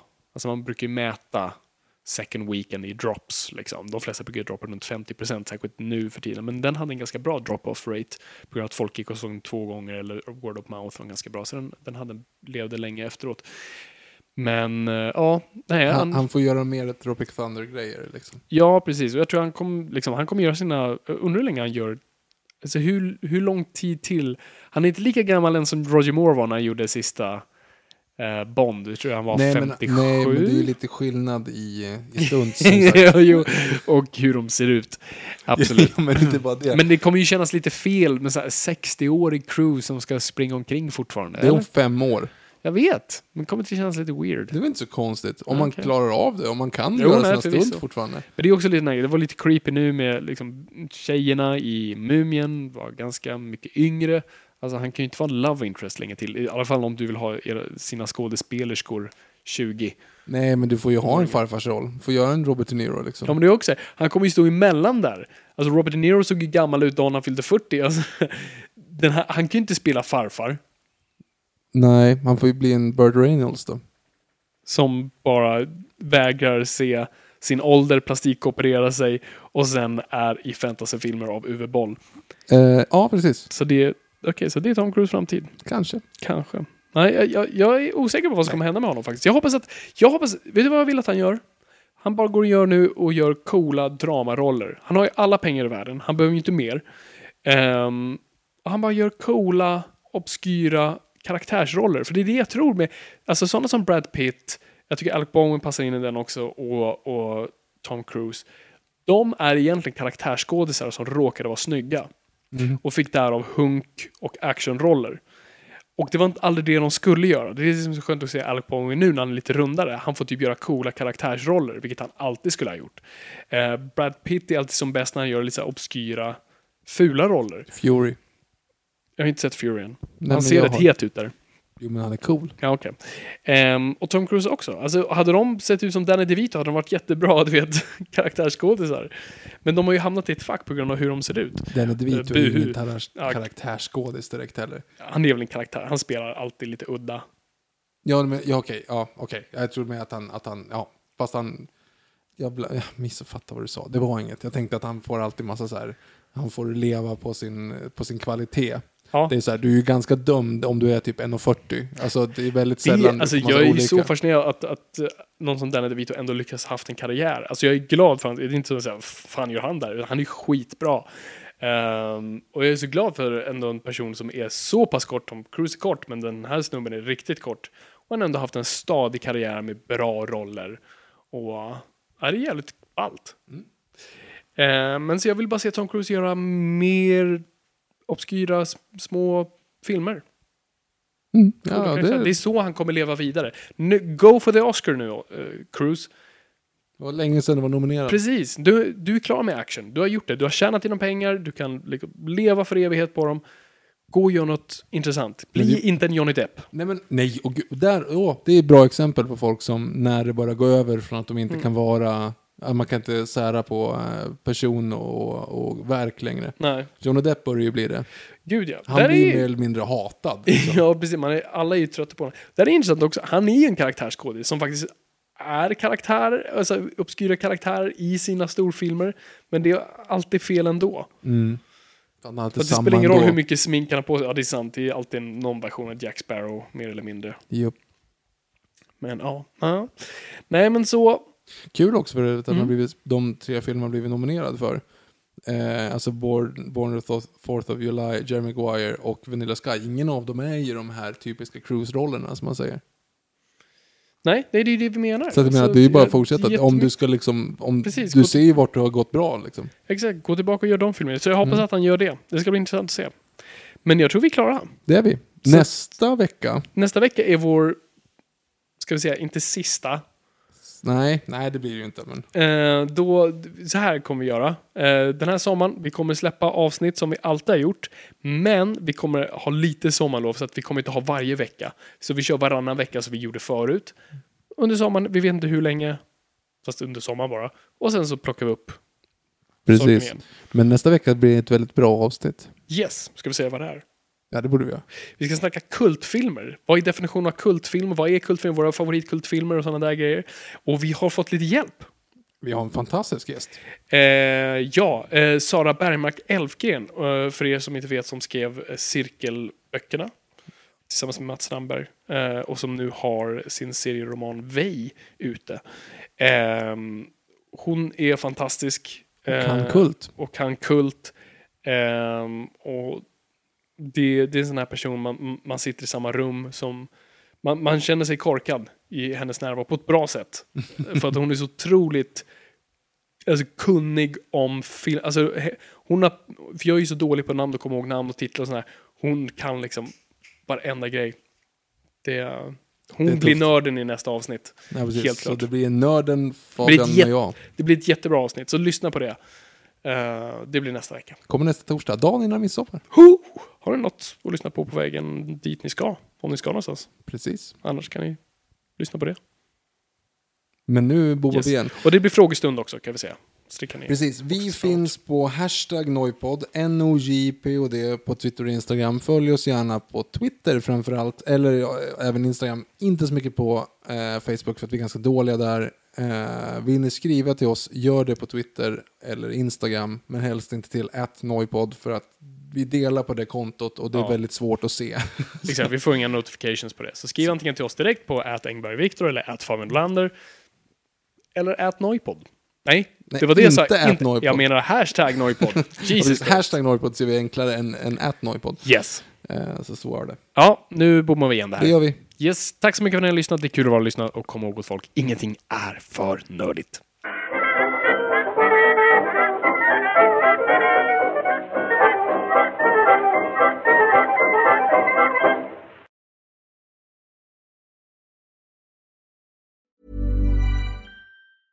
Normally, being a little extra might be a bit much, but not when it comes to healthcare. That's why United Healthcare's Health Protector Guard fixed indemnity insurance plans, underwritten by Golden Rule Insurance Company, supplement your primary plan so you manage out of pocket costs. Learn more at uh1.com. Planning for your next trip? Elevate your travel style with Quince. Quince has all the jet setting essentials you'll want for your next getaway, like European linen, premium luggage options, buttery soft Italian leather bags, and so much more. And is all priced at 50 to 80% less than similar brands. Plus, Quince only works with factories that use safe and ethical manufacturing practices. Pack your bags with high-quality essentials you'll be wearing for vacations to come with Quince. Go to quince.com slash pack for free shipping and 365-day returns.